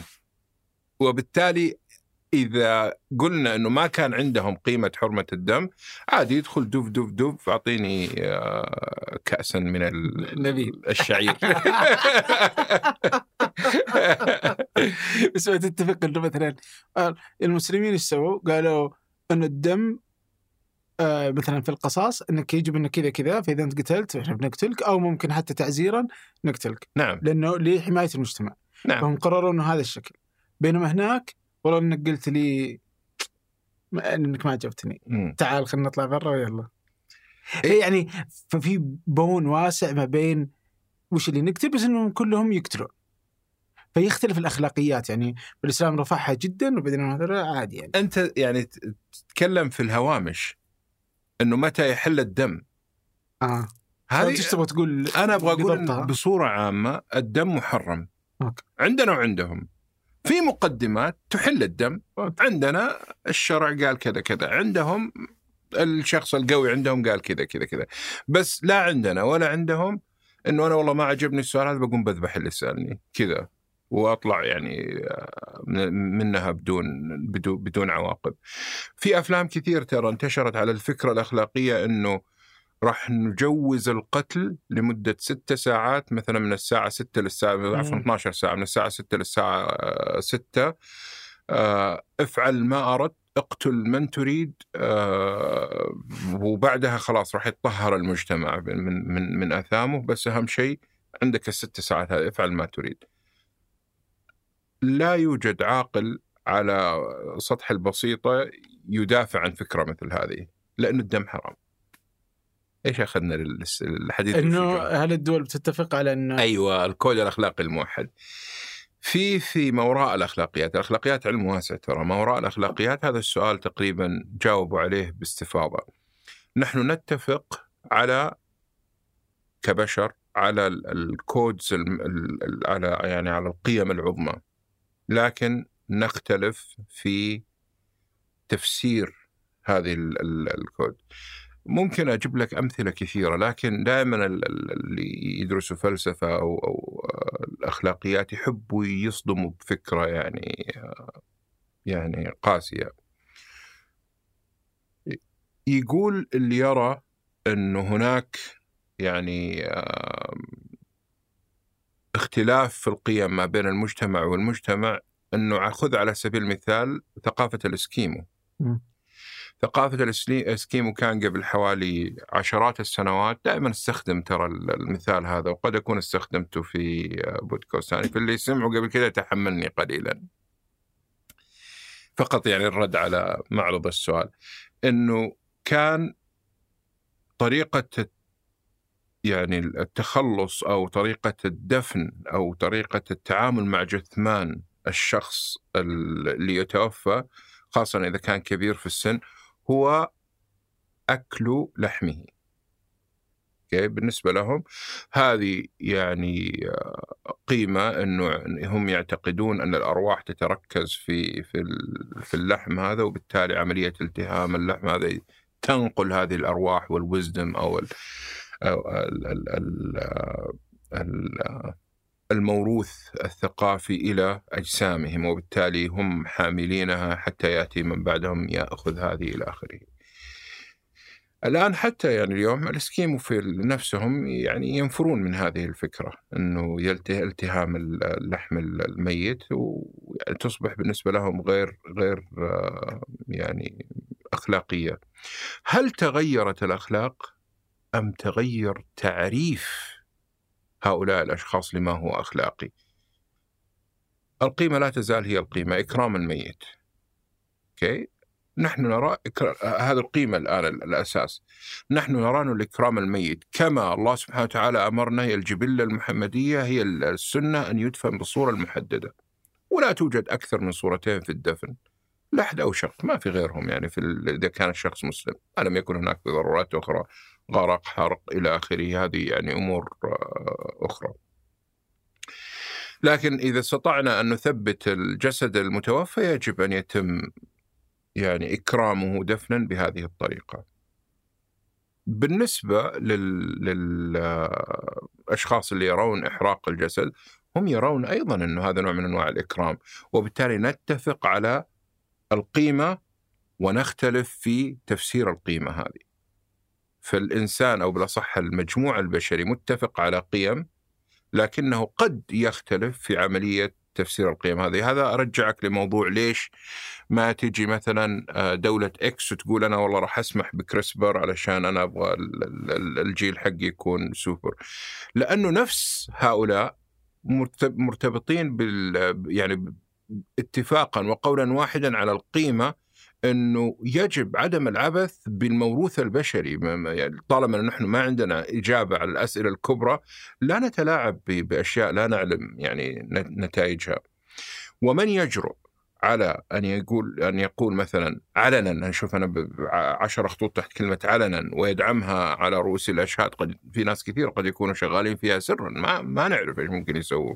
لكن أنا بتكلم على على رواية إنه علنا ويتكلم بها على رؤوس الأشهاد هؤلاء يعني راح يكونوا يعني آه، محل احتقار العالم. ولا توجد يعني آه، جهة في ت- ت- تبحث أن تكون أن تكون محل احتقار عالمي من ناحية علمية من ناحية آه، أخلاقية من ناحية آه، اقتصادية لا مكان مؤلم جدا لا يريد أي أحد أن يكون هناك حتى لو كانت النتيجة أنه حيكون عندي أحسن جيش في الكرة الأرضية. بس ليش افترضت إنه بيكون محل احتقار العالم؟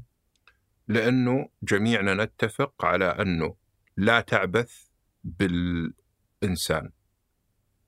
لا تعبث بالإنسان.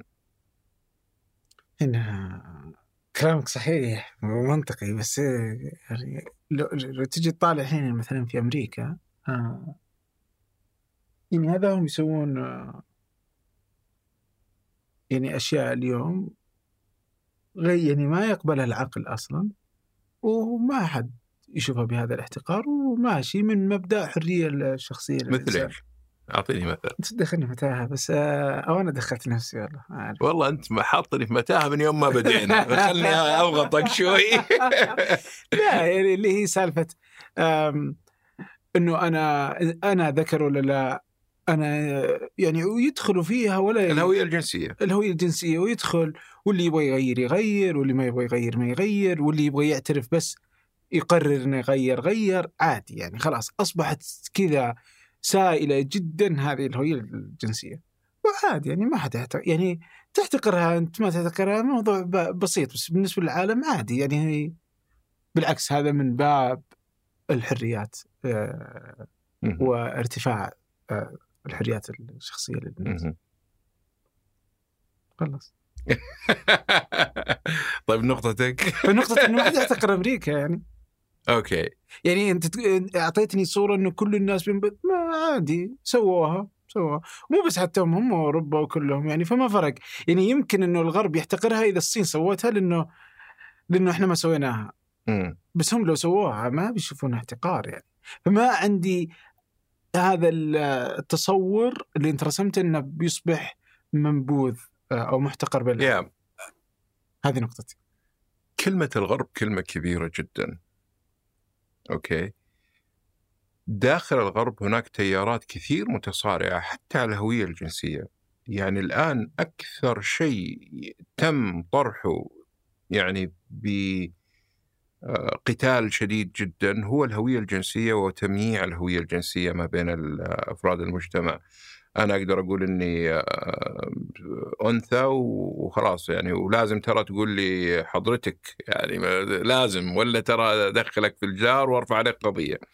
وفي المقابل في ناس كثير آه، ضد الفكر هذا التوجه الآن من هو الذي صوته أعلى؟ صوته أعلى اللي هو ال- اليساريين اللي يرون بالحريات على أقصى أقاصيها ومن ضمنها حرية ادعاء ال- الجنس. فلما نقول الغرب يعني دافع فيها نحن غير دقيق يعني غير دقيقين. بمعنى أنه آه، ال- الغرب فيه يسار وفيه يمين. اليساريين الغربيين أو بالاصح متطرفي اليسار الغربي هم الذين يدفعون بكل قوة في اتجاه تمييع الجنس. مش لتمييع الجنس هم لو نبغى كمان نكون منصفين وال- والإنصاف هنا ترى يعني عملة صعبة جدا. هم يحاولون أن, أن, أن يقودون أو بالأصح يدعون الحرية بأقصى أقاصيها الليبرالية بأقصى أقاصيها. وهذا فرض عليهم أنه طيب أنا حر في هال okay okay. إذا أنا أبغى أصير ماني منافق في الحريات وأعطيك الحرية كيف؟ نرضى ثم دخل موضوع عملية ال- الاحتقار وأنا والآخرين والاقليه المستضعفة والماركسية وكل المعسكر اليساري بكامله تحرك فأخذ الموضوع نكهة الأيديولوجية وليس البيولوجيا. خرجت البيولوجيا من الشباك في الموضوع هذا ودخلت الأيديولوجية. آه، دخلت الأيديولوجية خلاص أصبح الموضوع غير غير خاضع للنقاش ال- ال- العقلاني. بل يدخل في النقاش النقاش العقدي السياسي العقدي الديني العقدي ال- ال- المنهجي إلى آخره. خرجت البيولوجيا تماما ترى من أوسع أبواب النقاش هذا. فحتى في الغرب هناك مدارس تجرم ترى الميوعة الجنسية هذه. فلا أتفق معك لما قلت أنه آه، الغرب على قلب رجل واحد متفقون على آه، التمييع.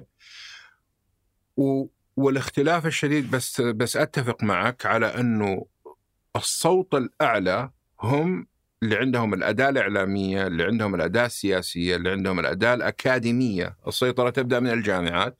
عندهم الأداة ال- الأكاديمية اللي هم ال- اليساريين.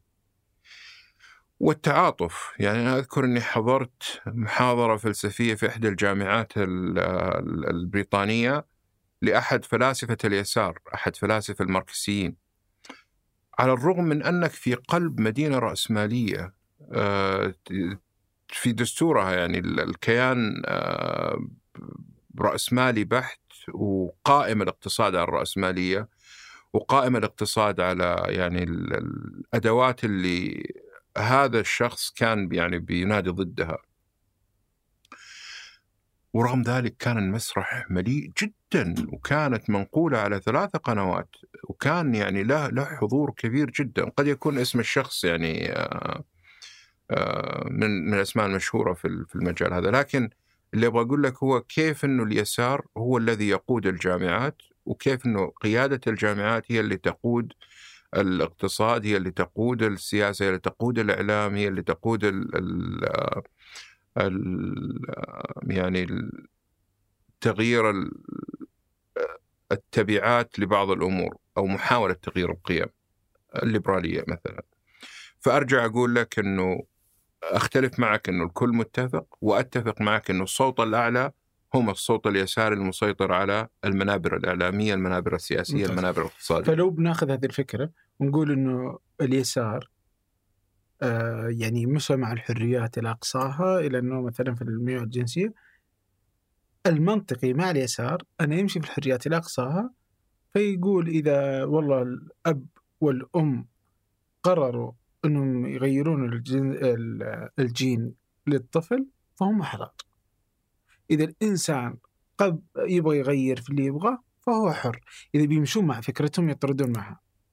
ف فمنطقيا إنه هذا اللي بيحصل، يعني أو إذا أنا بمشي مع فكرتي اطرد معها. لما نغير جنس أو لما أدعي إني أنا أنثى وأنا ذكر أو أنا ذكر وأنا أنثى أو لما أدعي بحرية من الحريات هذه حرية شخصية. مم. وبالتالي هنا إنه أنا ضرري أو نفعي على نفسي. يخرج الإطار الفلسفي لتأطير موضوع آه، ال- التأثير حق التقنية اللي أنا بغير أو بالأصح الزعم اللي أنا بزعمه يتغير تماما لما نتكلم عن من سيأتي مستقبلا. أعطيك مثل قصة مشهورة في في الأخلاقيات تدرس إنه أب وأم يعانون من دفنس آه، عدم المقدرة على السماع الصمم كلاهما أصم فراحوا للطبيب يبغوا يسووا تقنية تقنية الزراعة بانتخاب ال- الطفل أو بالأصح من سيكون طفلا آه، من ناحية ال- الانتخاب جيني للبويضة التي تحمل احتمالية أن يكون الطفل مصابا بالصمم.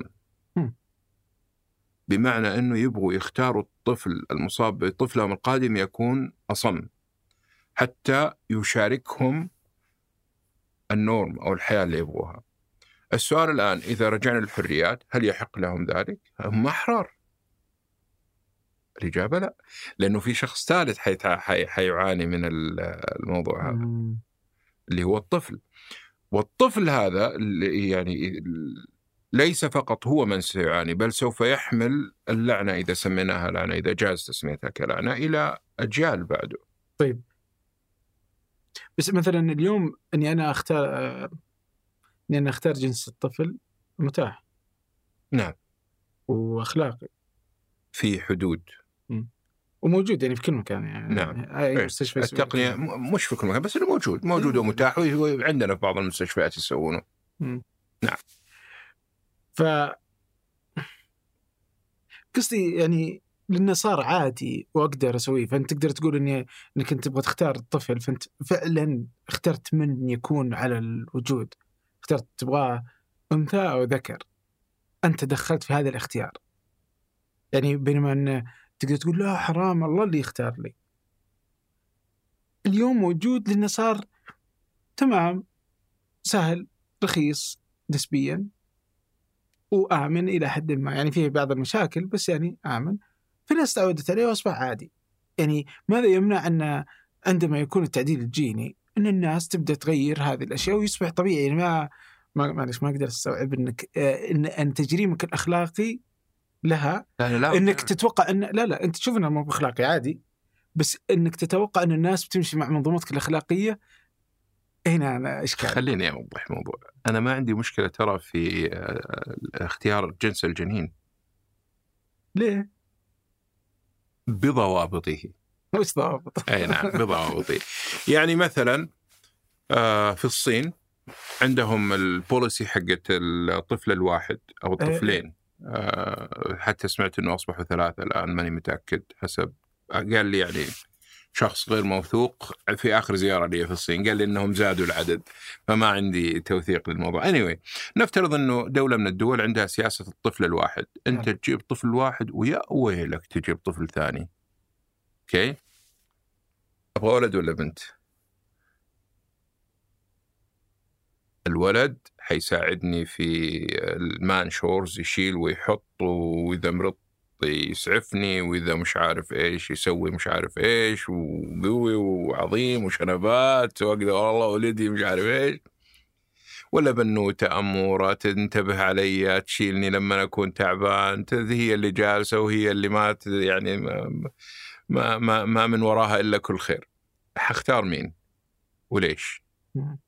هنا هنا الضوابط هل إذا أنا أجبرت الناس على إنه ما يكون عندهم إلا طفل واحد أدخل تاني مضطر لأنه كل واحد عنده preferences أو بلا صح المجتمع عنده preference مش كل واحد المجتمع عنده preference تفضيلات إيه. معينة. يعني التفضيل إنه مثلا في المجتمع العربي أبغى ولد علشان يشيل الاسم وعلشان الميراث وعلشان وعشان, وعشان وبالتالي آه إذا أنا عندي الخيار أبغى ولد إيش حيصير في المجتمع كله لما الكل يصير أولاد مصيبة. وبالتالي أنت مضطر لأنك تدخلت بصورة غير طبيعية على شيء طبيعي مضطر أنك آه، تجبر إنه 50% ذكور و50% إناث. طيب ال 50% الذكور مين اللي حيحددهم؟ اللي عنده واسطة ولا اللي عنده فلوس؟ طبعا على فرض إنه المجتمع يبغى ذكور، نفس الشيء ممكن أقوله على الإناث. okay؟ مين اللي حيحصل بأنه يكون عنده هالاموره ال- ال- الغنوجة اللي يقدر يعني آه، يطلع معاها كل الأحاسيس العاطفية اللي ما يقدر يطلعها مع الأقشر ولده اللي ممكن يعطي له في جبهته اذا هو نايم إلى آخره. مين اللي راح يختار؟ آه، أنا آه، ال- ال- ال preference حقي هل إذا أنا كنت غني هل إذا أنا كنت مثلا آه، من الأشخاص المخولين بالتجربة هذه إلى آخره؟ وبالتالي لازم أدخل في درجة ثالثة من درجة الحوكمة إنه أتأكد okay أول حاجة أجبرتك إنه ولد ثاني حاجة أجبرك إنه لازم ترى 50% 50% ثالث حاجة حاجة أتأكد إنه اختيار ال 50% ال 50% هذه كان كان عادل. وبعد كده تسوي حوكمة. شايف الت- الت- التعقيد في الموضوع؟ الموضوع اللي بيولوجي الاثنين يتزوجوا في ليلة الدخله يكتب ما كتب الله بينهما ثم يخرجون بعد تسعة شهور للعالم بطفل جديد بدون أي نوع من أنواع التدخلات أصبح مؤسسة من الأنظمة والأخلاقيات وال... و... و... وافعل ولا تفعل وانتبه هنا ولا تدخل هناك أصبح فيه يعني تغول عظيم للتقنية في هذه العلاقة البسيطة ام تسعة شهور. فهنا نرجع ل ال- ال- التنظيم ال- أنا ما عندي مشكلة في, في الاختيار. إذا على سبيل المثال أسرة عندها sickle cell anemia. جاء بفحص ما قبل الزواج قال ترى أنتم ما تصلحوا لبعض بس في قيم أعلى من القيم الطبية تخلينا إنه إحنا لازم نتزوج سواء لأنه هذه بنت عمه وهو فرصتها الوحيدة وهي فرصة إلى آخره أو لأنه آخر شخصين في الكرة الأرضية هذول الاثنين لازم يتزوجوا للحفاظ على الناس أي نوع من أنواع ال ال الأسباب اللي ممكن تقول إنه هذول الاثنين لازم يتزوجوا بغض النظر إيش السبب. نيجي لتقنية التقنية الوراث- الوراثية لعمليه انتخاب الطفل ال- الأنسب يعني سواء ذكر أو أنثى بس الأنسب من ناحية بيولوجية إنه ما عنده مشكلة السكر سيل انيميا. أو مثلا أسرة عندها سبعة أولاد ويبغوا بنت. أسرة عندها سبعه بنات ويبغوا ولد. فهذه الضوابط تخليني أقول أوكي هم جايبين جايبين. فما ما في شيء يعني يخليني أدخل في المحظور حق إنه لا هم يبغوا ولد علشان جنس الولد نفسه نوع من أنواع ال- التعنصر ضد ال بس واقع اليوم إنه يمدي ما في هذه إيه، الضوابط ما- إنه يمديك تسوي اللي تبغاه و لا لا في ضوابط في ضوابط. اللي اليوم؟ إيه في ضوابط؟ زي ما قلت لك يعني إذا إذا تبغى تقول لك إيش تبغى تختار؟ في ضابط إنك تدفع الفلوس. آه، ما هي متاحة بالصورة ما- ليس الأمر كما يعني آه، آه، من يدفع أكثر إلا في الخارج عاد هذا أنا ما لا عنه. أنا أعتقد إن في السعودية إن تكلفتها يمكن حدود 25000 أو 20000 ريال. وفي مستشفيات تسويها. بس حتى المستشفيات هذه ما تسويها يعني بدون بدون سبب. documented أتوقع رغبة بس إني والله أنا ودي ودي ذكر لا أو ودي أنثى. حسب الأنظمة اللي موجودة ما غير؟ متاح نعم. okay. لازم يكون في سبب. في بعض الأمراض آه، يعني ذكورية انه مم. والله مثلا إذا جاء ذكر آه، راح يكون عنده آه، حتما المرض الفلاني. إي لا لا أنا أعرف عائلة إنه إذا جاهم إذا جاهم ذكر يجي فيه مرض ناسي والله المرض. بس إذا جاء أنثى ما تجي سليمة. وبالتالي ممكن يجي يقول لك والله أنا فخلاص إذا ما أبغى ولد. عشان ما أبغى المرض هذا. مم. أوكي. آه عودة على التعديل الجيني آه إنه في أمريكا غير مجرم. فيمدي أي شركة تروح تسويه كيف؟ آه كلام كبير والله؟ مرة. إي لا لا. آه، أي تلاعب في ما هو ما ما قبل ال- ال- التلقيح. يعتبر غير غير آه، مرحب به عالميا. غير مرحب فيه ولا مجرم؟ مجرم. مجرم؟ مجرم نعم. جريمة؟ بس طبعا عشان كذا أنا حريص في المصطلح. مجرم اخلاقيا. اي لا لا. إذا اخلاقيا ما مشكلة. بس ما راح أقدر أسجنك. بس أقدر أسوي شركتي؟ اي بس ما راح تقدر يعني تسوق راح يكون إذا دخلت في موضوع التسويق راح تدخل في موضوع التجريم ال- ال- القانوني إذا دخلت في موضوع جني الأموال من وراء ال- ال- الفكرة اللي فيها يعني عدم مقبولية من اللجان الأخلاقية تدخل في آه، التجريم ال- من أي ناحية؟ يعني على سبيل المثال آه، يعني لو أنا سويت اليوم مختبر تعديل جيني آه، في أمريكا تتوقع بيصير آه، ممنوع؟ أتوقع لا وفقا للي أعرفه عن قانون هل تعديل جيني بحثي ولا تعديل جيني نهائي للكاستمر؟ تجاري ما هو ما يستطيع شخص في الكره الارضيه الآن يفعلها والله؟ ما يستطيع ليش؟ شخص. القانون يمنعك؟ علشان تصل إلى إلى تقديم شيء على المستوى الكاستمر على مستوى البشر يجب أنك تثبت مليون إثبات إحنا ترى في البدايات وعندنا مشكلة في البدايات فعلشان تقول أعطيك مثل قريب نعم. علاج بالخلايا المنشا الخلايا الجذعية. الآن في بعض المراكز في العالم بتدعي أنها تعالج بالخلايا المنشأ وبشوف دعاياتها يعني الخ- العلاج بالخلايا الجذعية.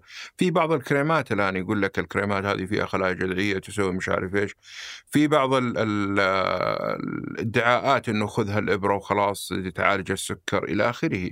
وفي اللي ال soft ادعاء تب- بجدد شبابك تعال بس خذ لك منتجع أبو خمسة ستة أيام. وفيها كم كم activity من ضمنها ال- ال- السيرب ال- ال- ال- ال- هذه. وفي ناس يعني يقول لك والله كانت من أفضل ما يكون. هذول الأشخاص ال- اللي فتحوا ال- ال- الباب على مصراعيه للكاستمر بصورة نهائية بيستخدموا أدوات غير أخلاقية في التسويق غير علمية. نحن لا نعرف ما الذي شوف أنت بتتكلم عن الجين.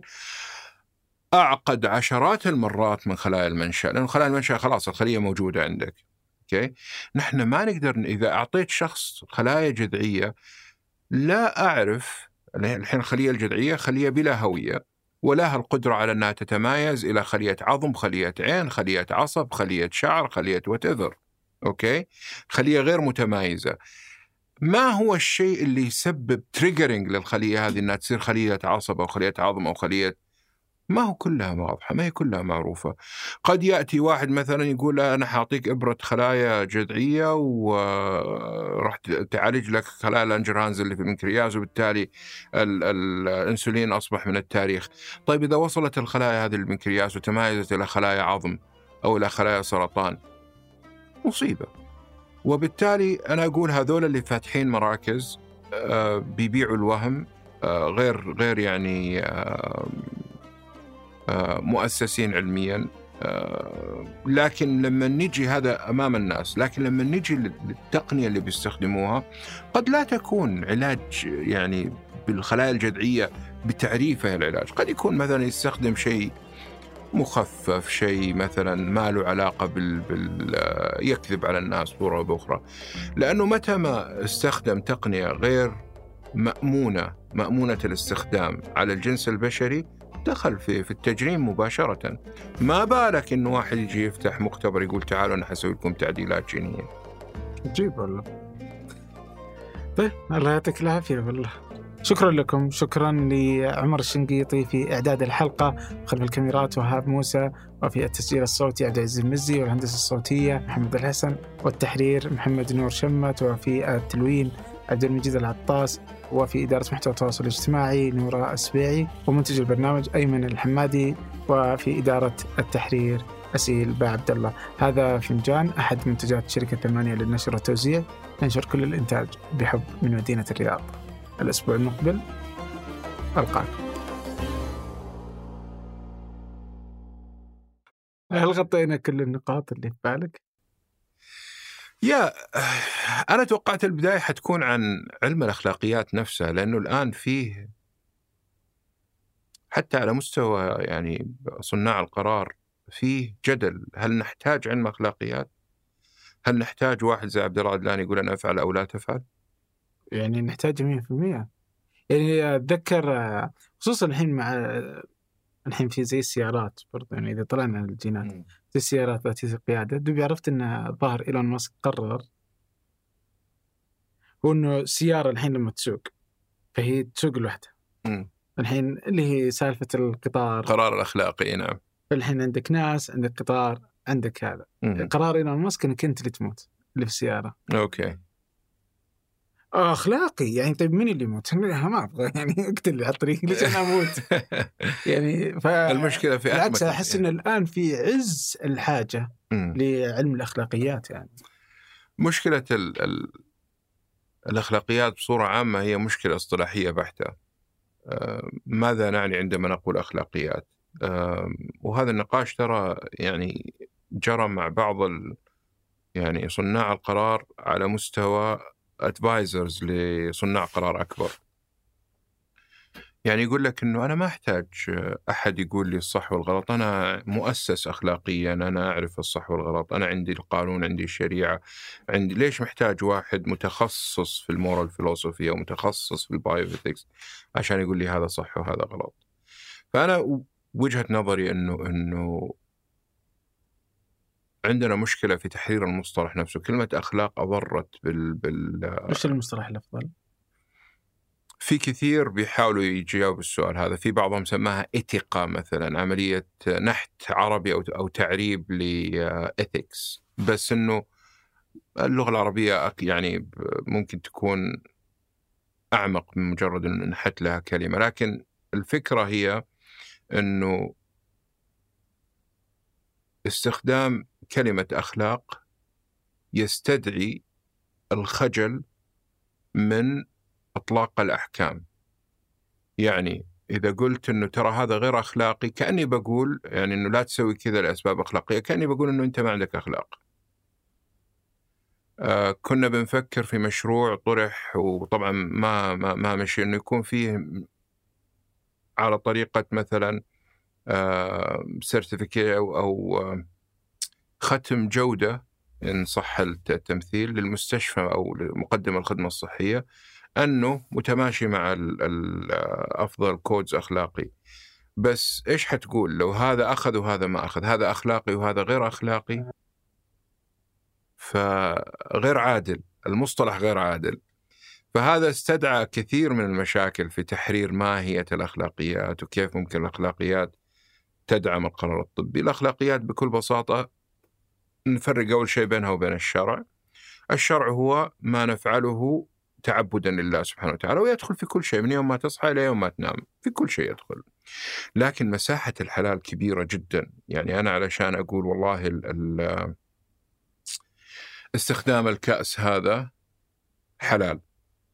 ما لم تضع فيه خمرا okay؟ يصبح الكأس بما فيه محرما. okay. هذه ال ال ال الاستثناء هذا هو شيء بسيط هو الحلال والحرام. لكن استخدام الكأس مساحة كبيرة جدا فيها يعني مساحة الحلال يعني هل يعتبر من ديانة إني ما أحط في الكأس هذا عصير وإحنا متعارفين إنه هذا كأس ماء؟ ما, ما حد يستطيع يقول. لكن حسب التعارف هذا كأس ماء. فلو جبت لك في عصير راح تقول okay شكرا بس ما ما هكذا تورد الإبل. أو لو حطيت القهوة في كاس شاي أو الشاي راح تكون مستهجن جدا. ما هو حرام. فعلم الأخلاقيات هو العلم اللي يدرس المساحة الماء يعني ما يجب وما لا يجب بعد ما يعني ننتهي من موضوع الحلية والحرمية. نأتي للفرق بينها وبين القانون. القانون هو بيستفيد من علم الأخلاقيات في تجريم ما يجب أن يجرم. على سبيل المثال الموافقة المستنيرة لما تروح المستشفى ويقول لك ترى حنسوي فيك كذا وكذا وكذا وكذا، أنت موافق؟ موافق يلا وقع. إذا دخلت وأخذت إجراء لنقل إجراء بعض إجراء فيه يعني عملية أو فيه تعدي على السلامة الجسدية آه، بصورة عامة بدون ما يقال هذه ما تعتبر أقدر طبعا أدخلها شرعا إنها محرمة من باب الغرر وكذا لكن إذا ما استحضرت نية الغرر ما تعتبر حرام إنه هذا البراكتس الطبيعي أنت وثقت فيني في علمي أنا أشوف انه والله لو جاء ولدي وعنده المشكلة هذه راح أسوي له الاجراء هذا. يعني بالتالي طلع من موضوع الشرع لكن دخل في موضوع الأخلاقيات. لا يجب إنك تعطي الشخص هذا الموافقة المستنيرة أو الموافقة الدافعة للجهالة بالصورة اللي إحنا حنتفق عليها. خالفت الآن الأخلاقي حيقول أنت خالفت. يأتي القانوني يجرم المخالفة هذه حسب تبعاتها. فهذه الفروقات اللي بنعاني فيها نحن ك يعني كمتخصصين في علم الأخلاقيات آه، جزء منها بسبب المصطلح وجزء منها بسبب عدم الوعي الكامل بماهيه العلم. هو عبارة عن أدوات بسيطة تساعدني على تحرير الموقف وإعطاء رأي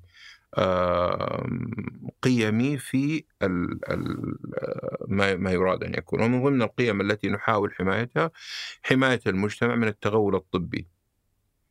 وحماية المجتمع الطبي من التغول المجتمعي أيضا. يجيك واحد يعني يدخل على الطبيب في في بيته ويتوقع أنه الطبيب راح يقدم له جميع الخدمات الطبية من استشارات من خدمات من ما, ما إحنا لا, لا نقول بذلك كما إنه ما نبغى الطبيب يدخل بيتي ويقول لك أنت تتزوج وأنت لا تتزوج وأنت راح تدفع أكثر لأنه أنت عندك سكري وأنت راح تدفع أقل لأنه أنت أكثر صحة وهذه الضريبة راح عقابا لأنه أنت بتشرب مشروبات غازية بصورة محددة من هذا؟ ضيف ضيف؟ آه تعرفه؟ لا آه يعني حبيت الجرأة. آه لما كنت تقول دكتور آه اي طيب آه تبغى تحمي المجتمع من تدخل الآلة الطبية أو الآلة الطبية من تدخل المجتمع؟ طيب أنتم قاعدين تتدخلون الآن في الثنتين من يحمي المجتمع منكم ولا المفترض ما حد يحمي المجتمع كلام جميل. نحن لا لا نمتلك استثمار في التغيير. بمعنى الطبيب عنده استثمار في التغيير. يعني الطبيب يبغى يغير أوكي؟ والمجتمع عنده القابلية إنه يغير ويبغى أيضا الطبيب يتغير له وبالتالي هذا عنده استثمار في هذا إنه يتغير وهذا عنده استثمار في هذا إنه يتغير. بس نحن بنقول لهذا أنت يعني زي الحكم في في مباريات الملاكمة. هذا يوجه لكمل هذا وهذا يوجه لكمل هذا. الحكم ما هو لابس جلوفزات ما هو مستثمر في الموضوع العضلي في الموضوع.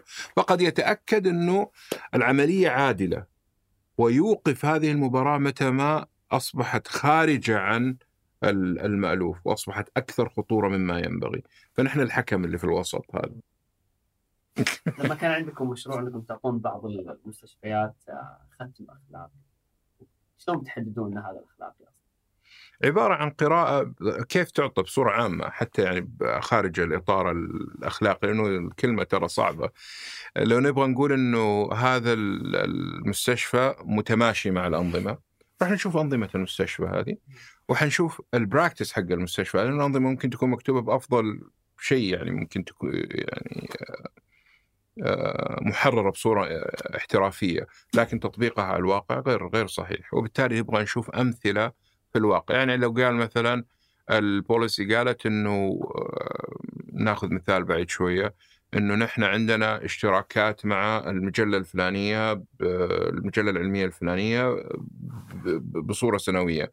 نبغى نشوف كيف تم اختيار المجلة آه، كيف يتم الدفع إثباتات إنه تم الاشتراك في المجلة وإثباتات إنه تم الاستفادة من المجلة هذه. يعني عملية التأكد من واقعية ال policies هذه في الأرض.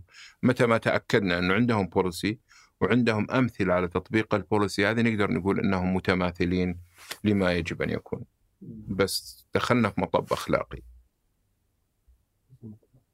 إنه كلمة أخلاقي في حد آه. ذاتها تؤدي إلى إنه الآخرين غير أخلاقيين. بس ممكن, لو كانت فعلا اللائحة أو ال- ال- الفكرة هذه فعلا أخلاقية فعادي. إن هذاك يصير مو هذاك أنأثيكال غير أخلاقي. مو ان ايثيكال مقبولة غير أخلاقي ابدا غير عادلة.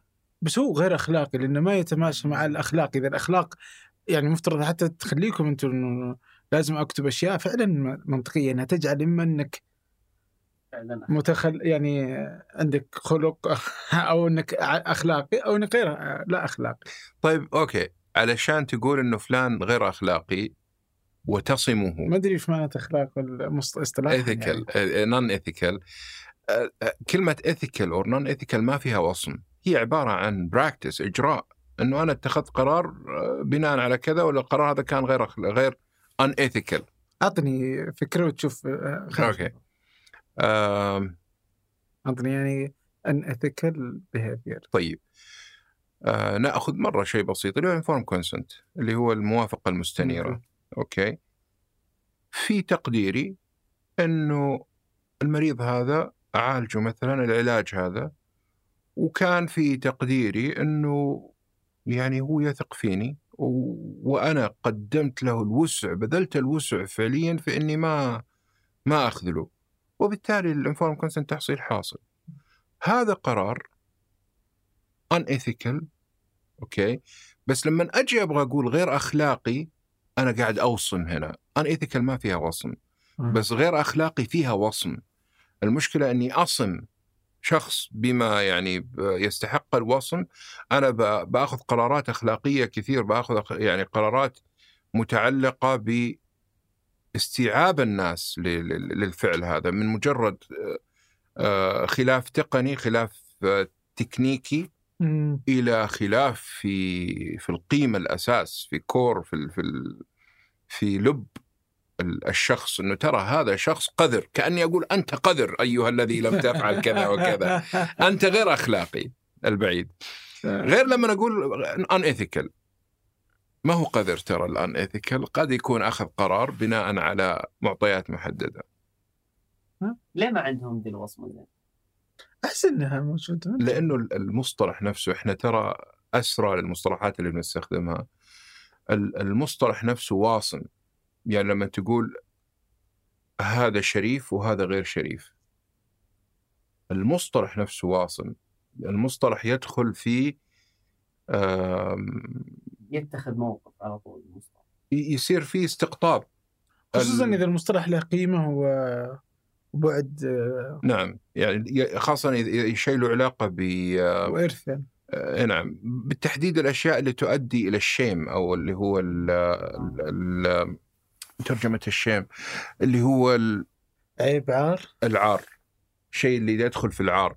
يعني لو قلت لواحد أنت غير أخلاقي كأنك بتزفه زفا إلى حفلة إن إن إن, أن أنت عار على على ال على ال مجتمع. على المجتمع على التخصص حقك بينما يعني لو لو سحبت منها عملية الشيم هذه أو عملية ال- العار آه، الوصم آه، قد تكون أقل بس ممكن يكون ما لها قيمة وقتها كيف ما لها قيمة إذا ما لها وصمة ووقع على الإنسان إيش الفائده منها أصلا؟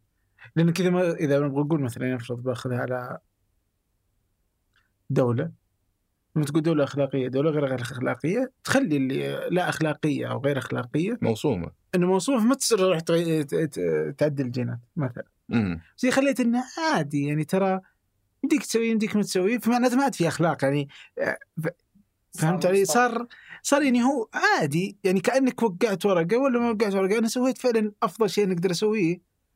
بس عادي يعني ما لا مو بالعكس عادي. أحس إن الثقة. هذا له قيمة. أنت تحب تلعب في الأطراف البعيدة. أنت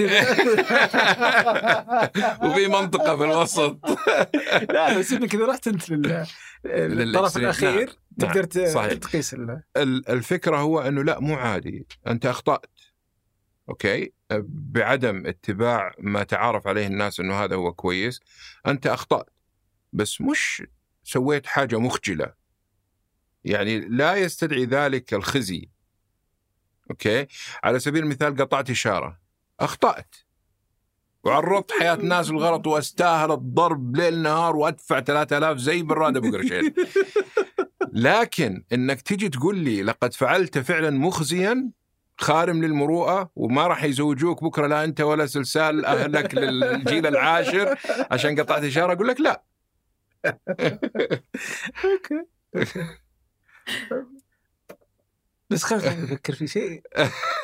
لأن قاعد أدور أتوقع يعني أظن إنه ما في مصطلح تقدر تطلع فيه عند عند العرب. صح هذه أعتقد لا، لا، بس لأنهم عادي. مرة ملصقة فيهم الأخلاق. بس إذا أنت حرامي أنت لا أخلاقي. طبعا. اي يعني فعادي. عشان كذا أنا أقول إنك أنت لا أخلاقي لأنك حرامي بس مو لأنك قطعت اشاره رغم إنهم كلهم جريمتين مثلا. امم عشان كذا أنا أبغى أعطي هذا البعد الآخر إي نعم. إنك لا. تسويه. ولذا الأخلاق لها قيمة هنا. في جريمة واصمة وجريمة لا, مم. لا تعتبر واصمة. قطع الإشارة جريمة. مم. على طبعا ما تعتبر جريمة لازم نبغى نكون دقيقين آه، آه، قانونيا. هي عبارة عن مخالفة. مخالف أوكي؟ فأنت خالفت الآن. بارتكابك ال- يعني قطع الإشارة. لكن هل ارتكبت جريمة واصمة أو بالأصح فعل واصم؟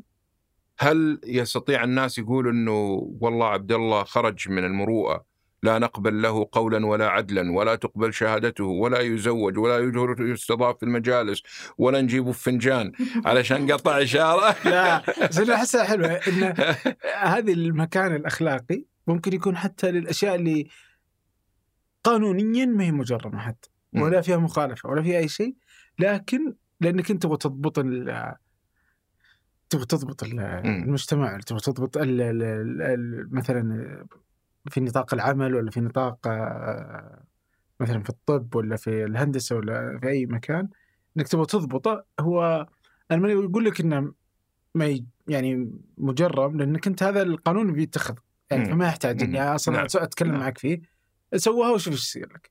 بس أنا أبغى أضبطها إني أبغى أخلي المجتمع يشوفك عار على المهنة. أبغى أشوف ليش؟ لاني ما أبغاك تسويها. خلاص ولا ما لها قانونياً. تصير. أضبطها قانونيا. لا لا بس إنها هي في شعره إنه ما هو بغلط. يعني ما مثلا نفرض واحد كذاب. يعني ما يمديك تقفطه يعني ما هو ما بس ما يعني أنت حيوان يعني. أنت ك... يعني إنك تكذب بس يعني لما تكذب ما أقدر أسجنك كذاب آه. إلا إذا كذبت في شهادة يعني في شيء معين بس إنك بطبعك أوكي كيفك يعني طيب بس؟ افترض إني أطلعك برا المجتمع يعني أنت كذا أنت إنسان مو. هذا الكلام يمارس الفوقية حبيت الأخلاقية وإطلاق الأحكام قبول الأشخاص وطردهم من المجتمع بناء على رؤيتك لما هو صح وما هو خطأ لا بس يعني قدر تشتغل يعني يعني حتى شرعا يعني الكذب ما يجوز إي بس ما في سلطوية تقولون الكذاب اطردوه من المسجد ما أقول بس هي وما زال الرجل يكذب ويتحرى كذا حتى يكتب هذا كذاب يعني. احس فيها فيها وصمة ترى الكذب يعني عند هي- الله شوف لازم تفرق ما بين الأداة البشرية والأداة الإلهية. مم. ال- الأخلاقيات الإسلامية بتعتمد على ضبط العلاقة ما بين الإنسان وربه. الأخلاقيات الغربية والأدوات دراسة الأخلاقيات الغربية بتعتمد على ما ضبط الع- العلاقة ما بين الإنسان والإنسان. وهذا ينبني على أشياء كثير لا ما أقدر أدخل في نيتك، ما أقدر أدخل في أشياء كثير وبالتالي لي الظاهر ويجب حتى, حتى لما آخذ آه، بالظاهر أقول للناس أنا ترى عرضت الظاهر هذا بناء على كذا وكذا وكذا، ففي أدوات محددة تسمح لي إني أدخل في عملية ال ال ال آه، الفوقية هذه أو إنه أنا حكمت على فلان إنه كاذب ترى بناء على إنه صار كذا وكذا وكذا وهذا الموقف كانت كذبة شينة. ليش؟ لأنه نفسي أنا لما زوجتي تسألني إيش رأيك فيني أقول هو أحسن مخلوق خلقه الله على وجه الكرة الأرضية كذبة وكذبة صلعاء أحيانا. لكنها محمودة. فمن الذي يعطي هذه الفوقية في قبول الكذبة ورفضها؟ كأنك بتقول ال- السلطوي اللي حيقبل هذا ويرفض هذا. المجتمع المجتمع ممكن يعني ترى. من المجتمع؟ كلمة كبيرة. لا مين لا صدق يعني اللي هو ال- العامة يعني إنه في هذا يعني زي لما الحين تسوي أحس إن المجتمع عندنا مثلا في أشياء يرضاها في أشياء ما يرضاها صح؟ بس مين اللي يرضى ومين؟ أنا وأنت ترى المجتمع. تمام. بس إحنا كلنا المجتمع. لا لا لا أحس ان. نتفق. لا شلون؟ نصبح الصباح متفقين؟ norm. أحس إن في norm عند المجتمعات. كيف يجي ال norm هذا؟ بس في ولا ما في؟ أنت تتفق إنه في نوع؟ في norm بس مين اللي يقول هذا norm وهذا مو norm؟ ال-. وجهة النظر اللي أنا بحاول أرد عليها إنه آه، أستاذنا الحبيب بيقول إنه أنا اللي راح أقول. اي نعم هذا صح وهذا غلط.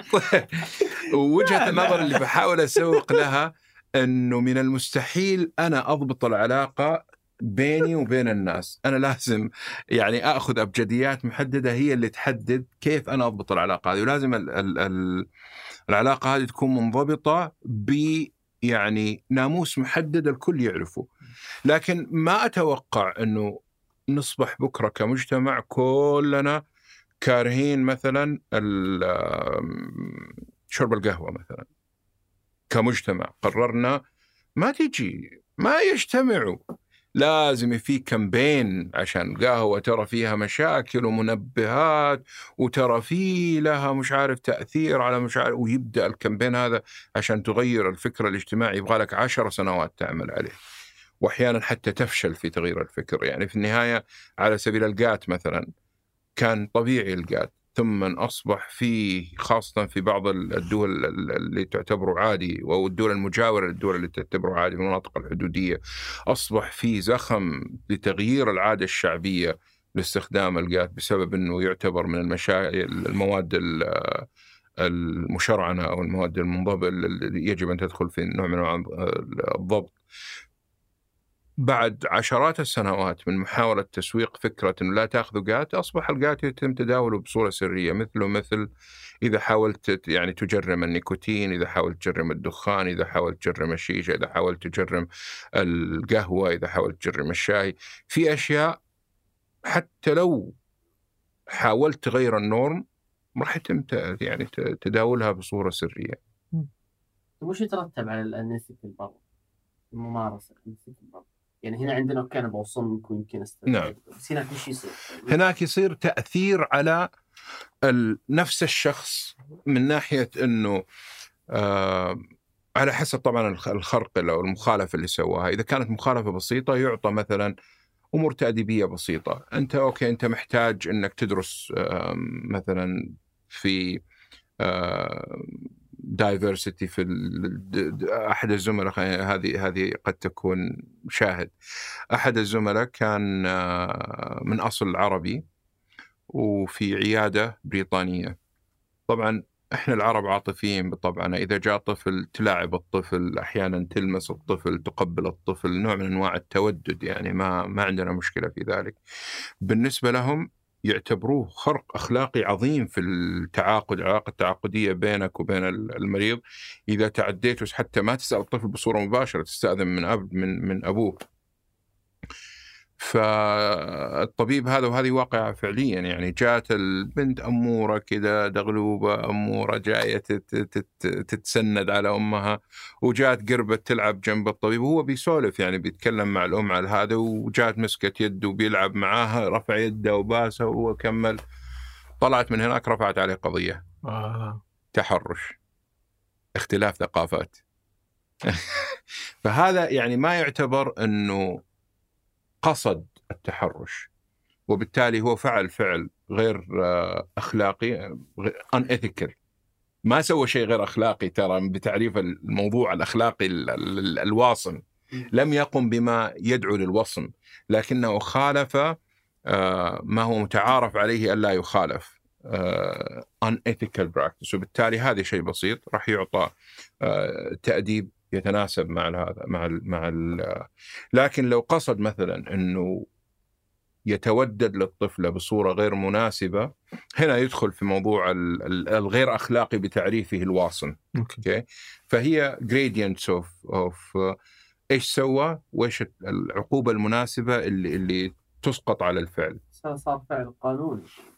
تحاكم في منطق القانون وممكن حتى أخلاقي إنه ما هو أخلاقي عندنا هو غير أخلاقي عندنا. فيمكن أنت غير أخلاقي إنك تبوس طفلة في مثلا في بريطانيا بس انه عندنا أخلاق. هو ان ايثيكال بس عشان أقول اخلاقي لا لأن هناك ترى مو على المهنه يعني غلط إنك تسويه على أي حال صح؟ صحيح بس ما يعتبر تحرش آه، إلا بضبط النية. مم. وبالتالي هم لا يقولون أن كل عملية تودد تحرش لكن نحن سوف نرفض جميع التوددات عشان نقتل نعم. ما نبغى نفرق ما نبغى ندخل في النوايا. فهذا دخلك في موضوع إنك لا تستطيع أن تصم يعني ما ما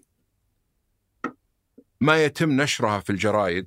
إنه ترى فلان عندهم طبعا الشفافية إنه البيدوفايل أو الشخص المتحرش بالأطفال يتم النشر إنه ترى في المنطقة الفلانية في متحرش. فما يتم نشرها إذا واحد مثلا آه. ثبت إنه ما عنده نية تحرش واضحة وإن كان فعله يقع ضمن الأفعال اللي ما غير محببة بالنسبة لل أو تعتبر تعدي على على ما قالوا بأنه هذا هذا هذا ما يجب أن تفعله قبل قبل أن تتواصل مع الطفل. ممتاز. في سؤال هناك. أهلا وسهلا. راح السؤال؟ راح السؤال يعني أنا سالفه شو اسمه سافر. نعم. يعني هو آه فيه في القانون إنك لو تقطع ساهر كذا لكن كل كل الناس يحسونه عادي فلما يعني اللي كان يقوله محمد الجابر إنه لازم نخلي قطع ساهر أو مخالفة ساهر آه. حاجة عيب وكخه وغير أخلاقية عشان الناس تبدأ تحس بالقيمه الفلوس لها.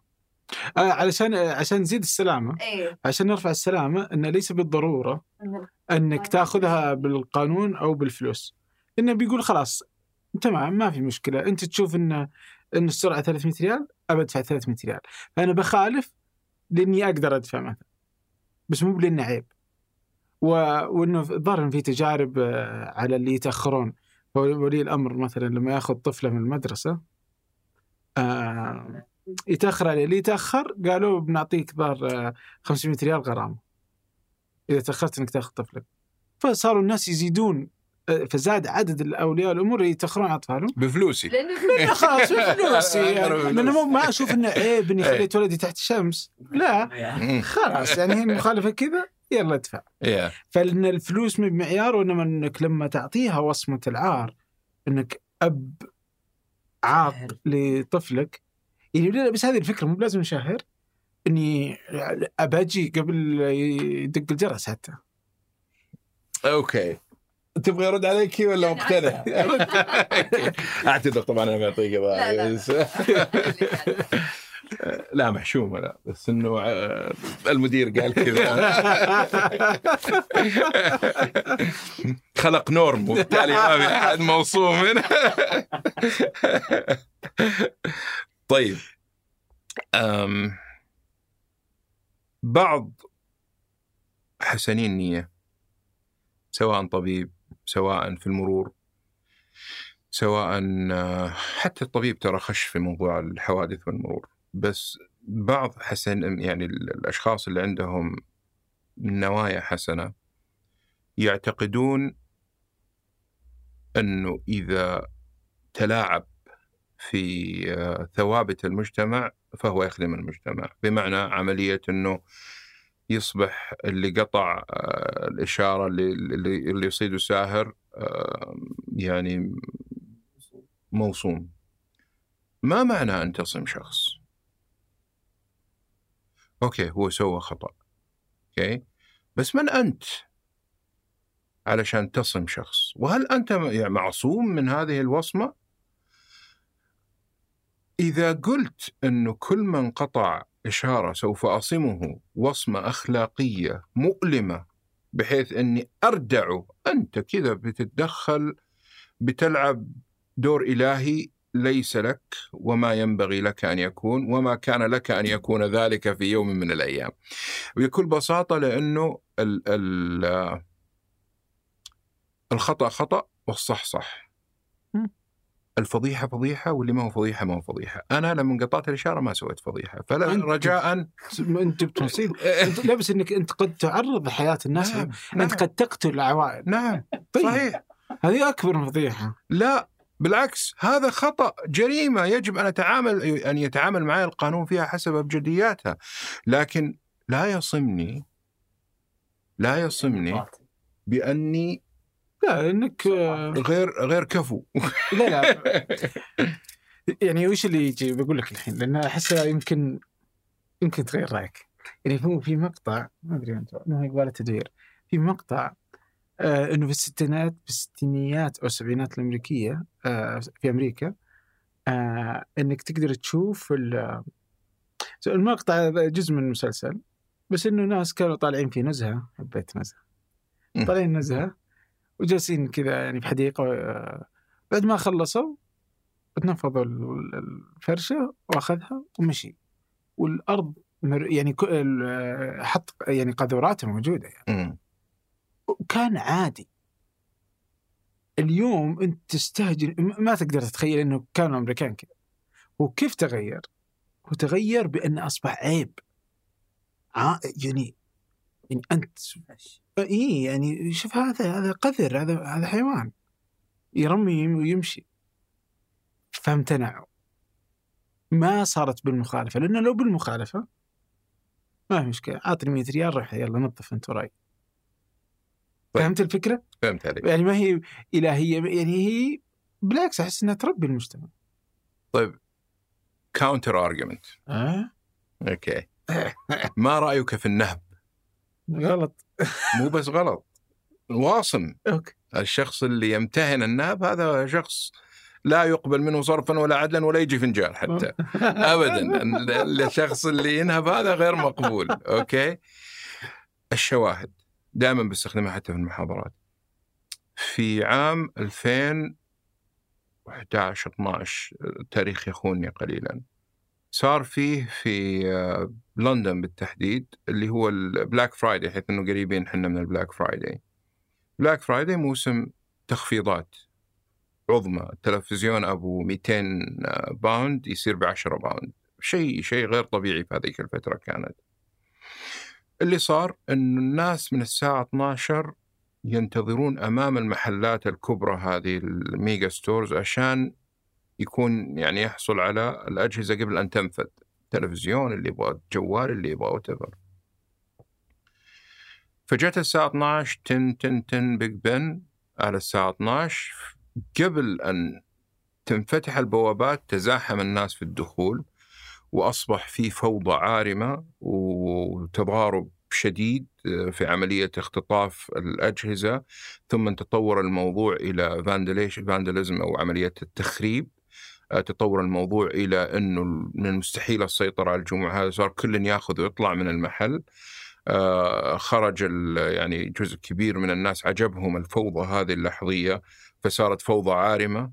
آه، أصبح يعني نوع من أنواع ال- ال- الثورة في شوارع لندن. استمرت يمكن يومين أو ثلاثة أيام.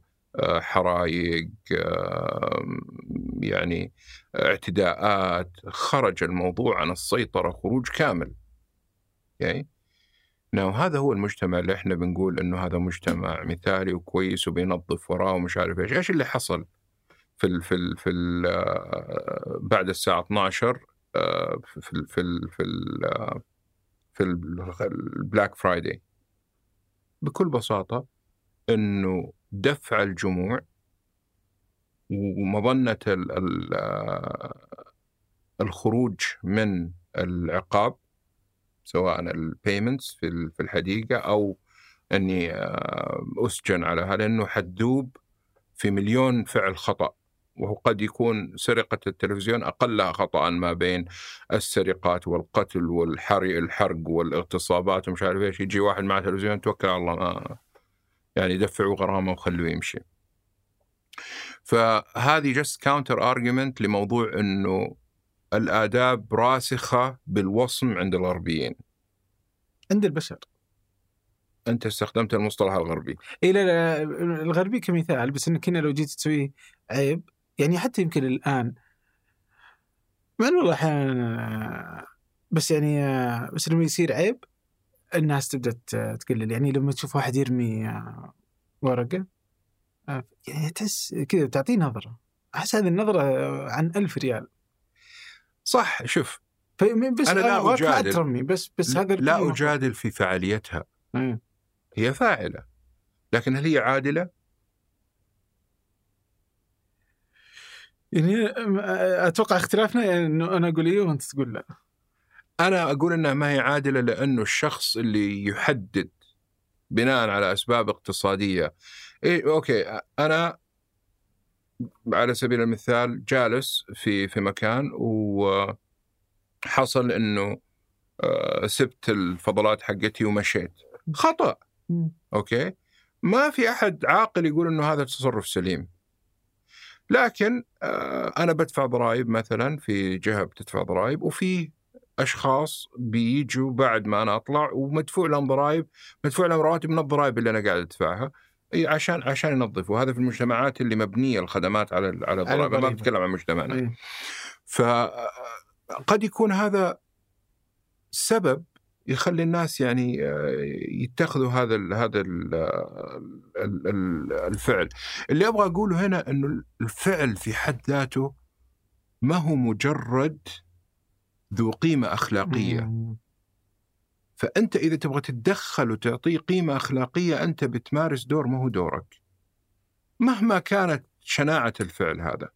إذا تبغى تتدخل وتعطي قيمة أخلاقية لأسباب أخرى أسباب اقتصادية آه، ما تتزوجوا أنتم علشان ما تجيبوا لي طفل يكلفني مليون في السنة هذا ترى سبب اقتصادي. صح. بس آه، يعني بحاول أعطي له قيمة أخلاقية علشان أنا أستفيد اقتصاديا. وفي الطريق أنت حتستفيد إنه ما حيكون عندك مشكلة وعندك أسرة صحية. لا مثلا قبل ما تتزوج لازم تثبت لأبو العروسة إنه أنت آه، ما عليك ديون تجيب كشف حساب حقك. وتجيب سمه كمان. أي نعم وسمه إنه أنت ما قد تلاعبت في أي نوع من أنواع الأقساط عندك. فيعني هذا نوع من أنواع التدخلات اللي لها يعني فائدة اقتصادية محددة لكنها بتصم تصل إلى مرحلة الوصم لفعل ما لا يحمل القيمة الأخلاقية. فهذه المشكلة. من هو الذي لديه القدرة على أن يصم فعلا عاديا لسبب ما مهما كان السبب هذا؟ هنا أنت بترفع بتلعب في عدادات القيم وتخليها قيم مادية أكثر من إن القيم اللي نحن جميعا متعارفين عليها وورثناها إنه هذه هي القيم. بس يعني أحس انه نقاش فعلا يعني طويل لأن اللي تعرفنا عليه هو ناس في الأخير قرروا إن هذه قيم جالسة تتطور تتغير نعم. خوارم المروءة كانت شيء وجالسة تتطور وتتغير يعني يعني صحيح بس فهو كذا هو شيء يخلق ترى في الجو العام يعني ما هو عبد الله ولا أيمن ولا عبد الرحمن اللي يقررونه هو واحد منهم يقرر هو كلهم كذا فجأة يقولون ما أدري ما هذه الحركات. ما ليتها كذا. اللي, اللي ترى يعني كذا ظهر إنه كان إيه. بس هذه ترى هذه؟ الفكرة. مو فجأة. إيه. مو بفجأة بس يعني شوي شوي. لأنه مثلا آه يعني يمكن 2005 لو تطلع في الرياض آه لو تروح يمكن ال- البقالة إذا ما أنت لابس شماغ وعقال تصير كذا شيء ليش طالع بدلة ولا ليش طالع مثرع ولا مم. حاسر الرأس؟ يعني ليش؟ والحين صار عادي يعني. كذا هي كذا شوي شوي. أو اللي كان ياكل في الأماكن العامة كان هذه خارج من المروءة. الحين صار نادر اللي ياكل في بيته. أنا معك في تطور ال- ال- ال- ال- المجتمع لكن القيم قيم. يعني تبقى خوارم المروءة خوارم المروءة. تغيرت مثلا موضوع لأنه أول كان معنى أنك تطلع حاسر الرأس أنه أنت من سفهاء المجتمع. أنه الشخص الراكز آه، يلتزم باللبس المقبول. إلى الآن لو شخص مثلا آه، طلع بلبس مخل مثلا ما يعتبر تعال وين أنت؟ مم. إلى هذه اللحظة يعني.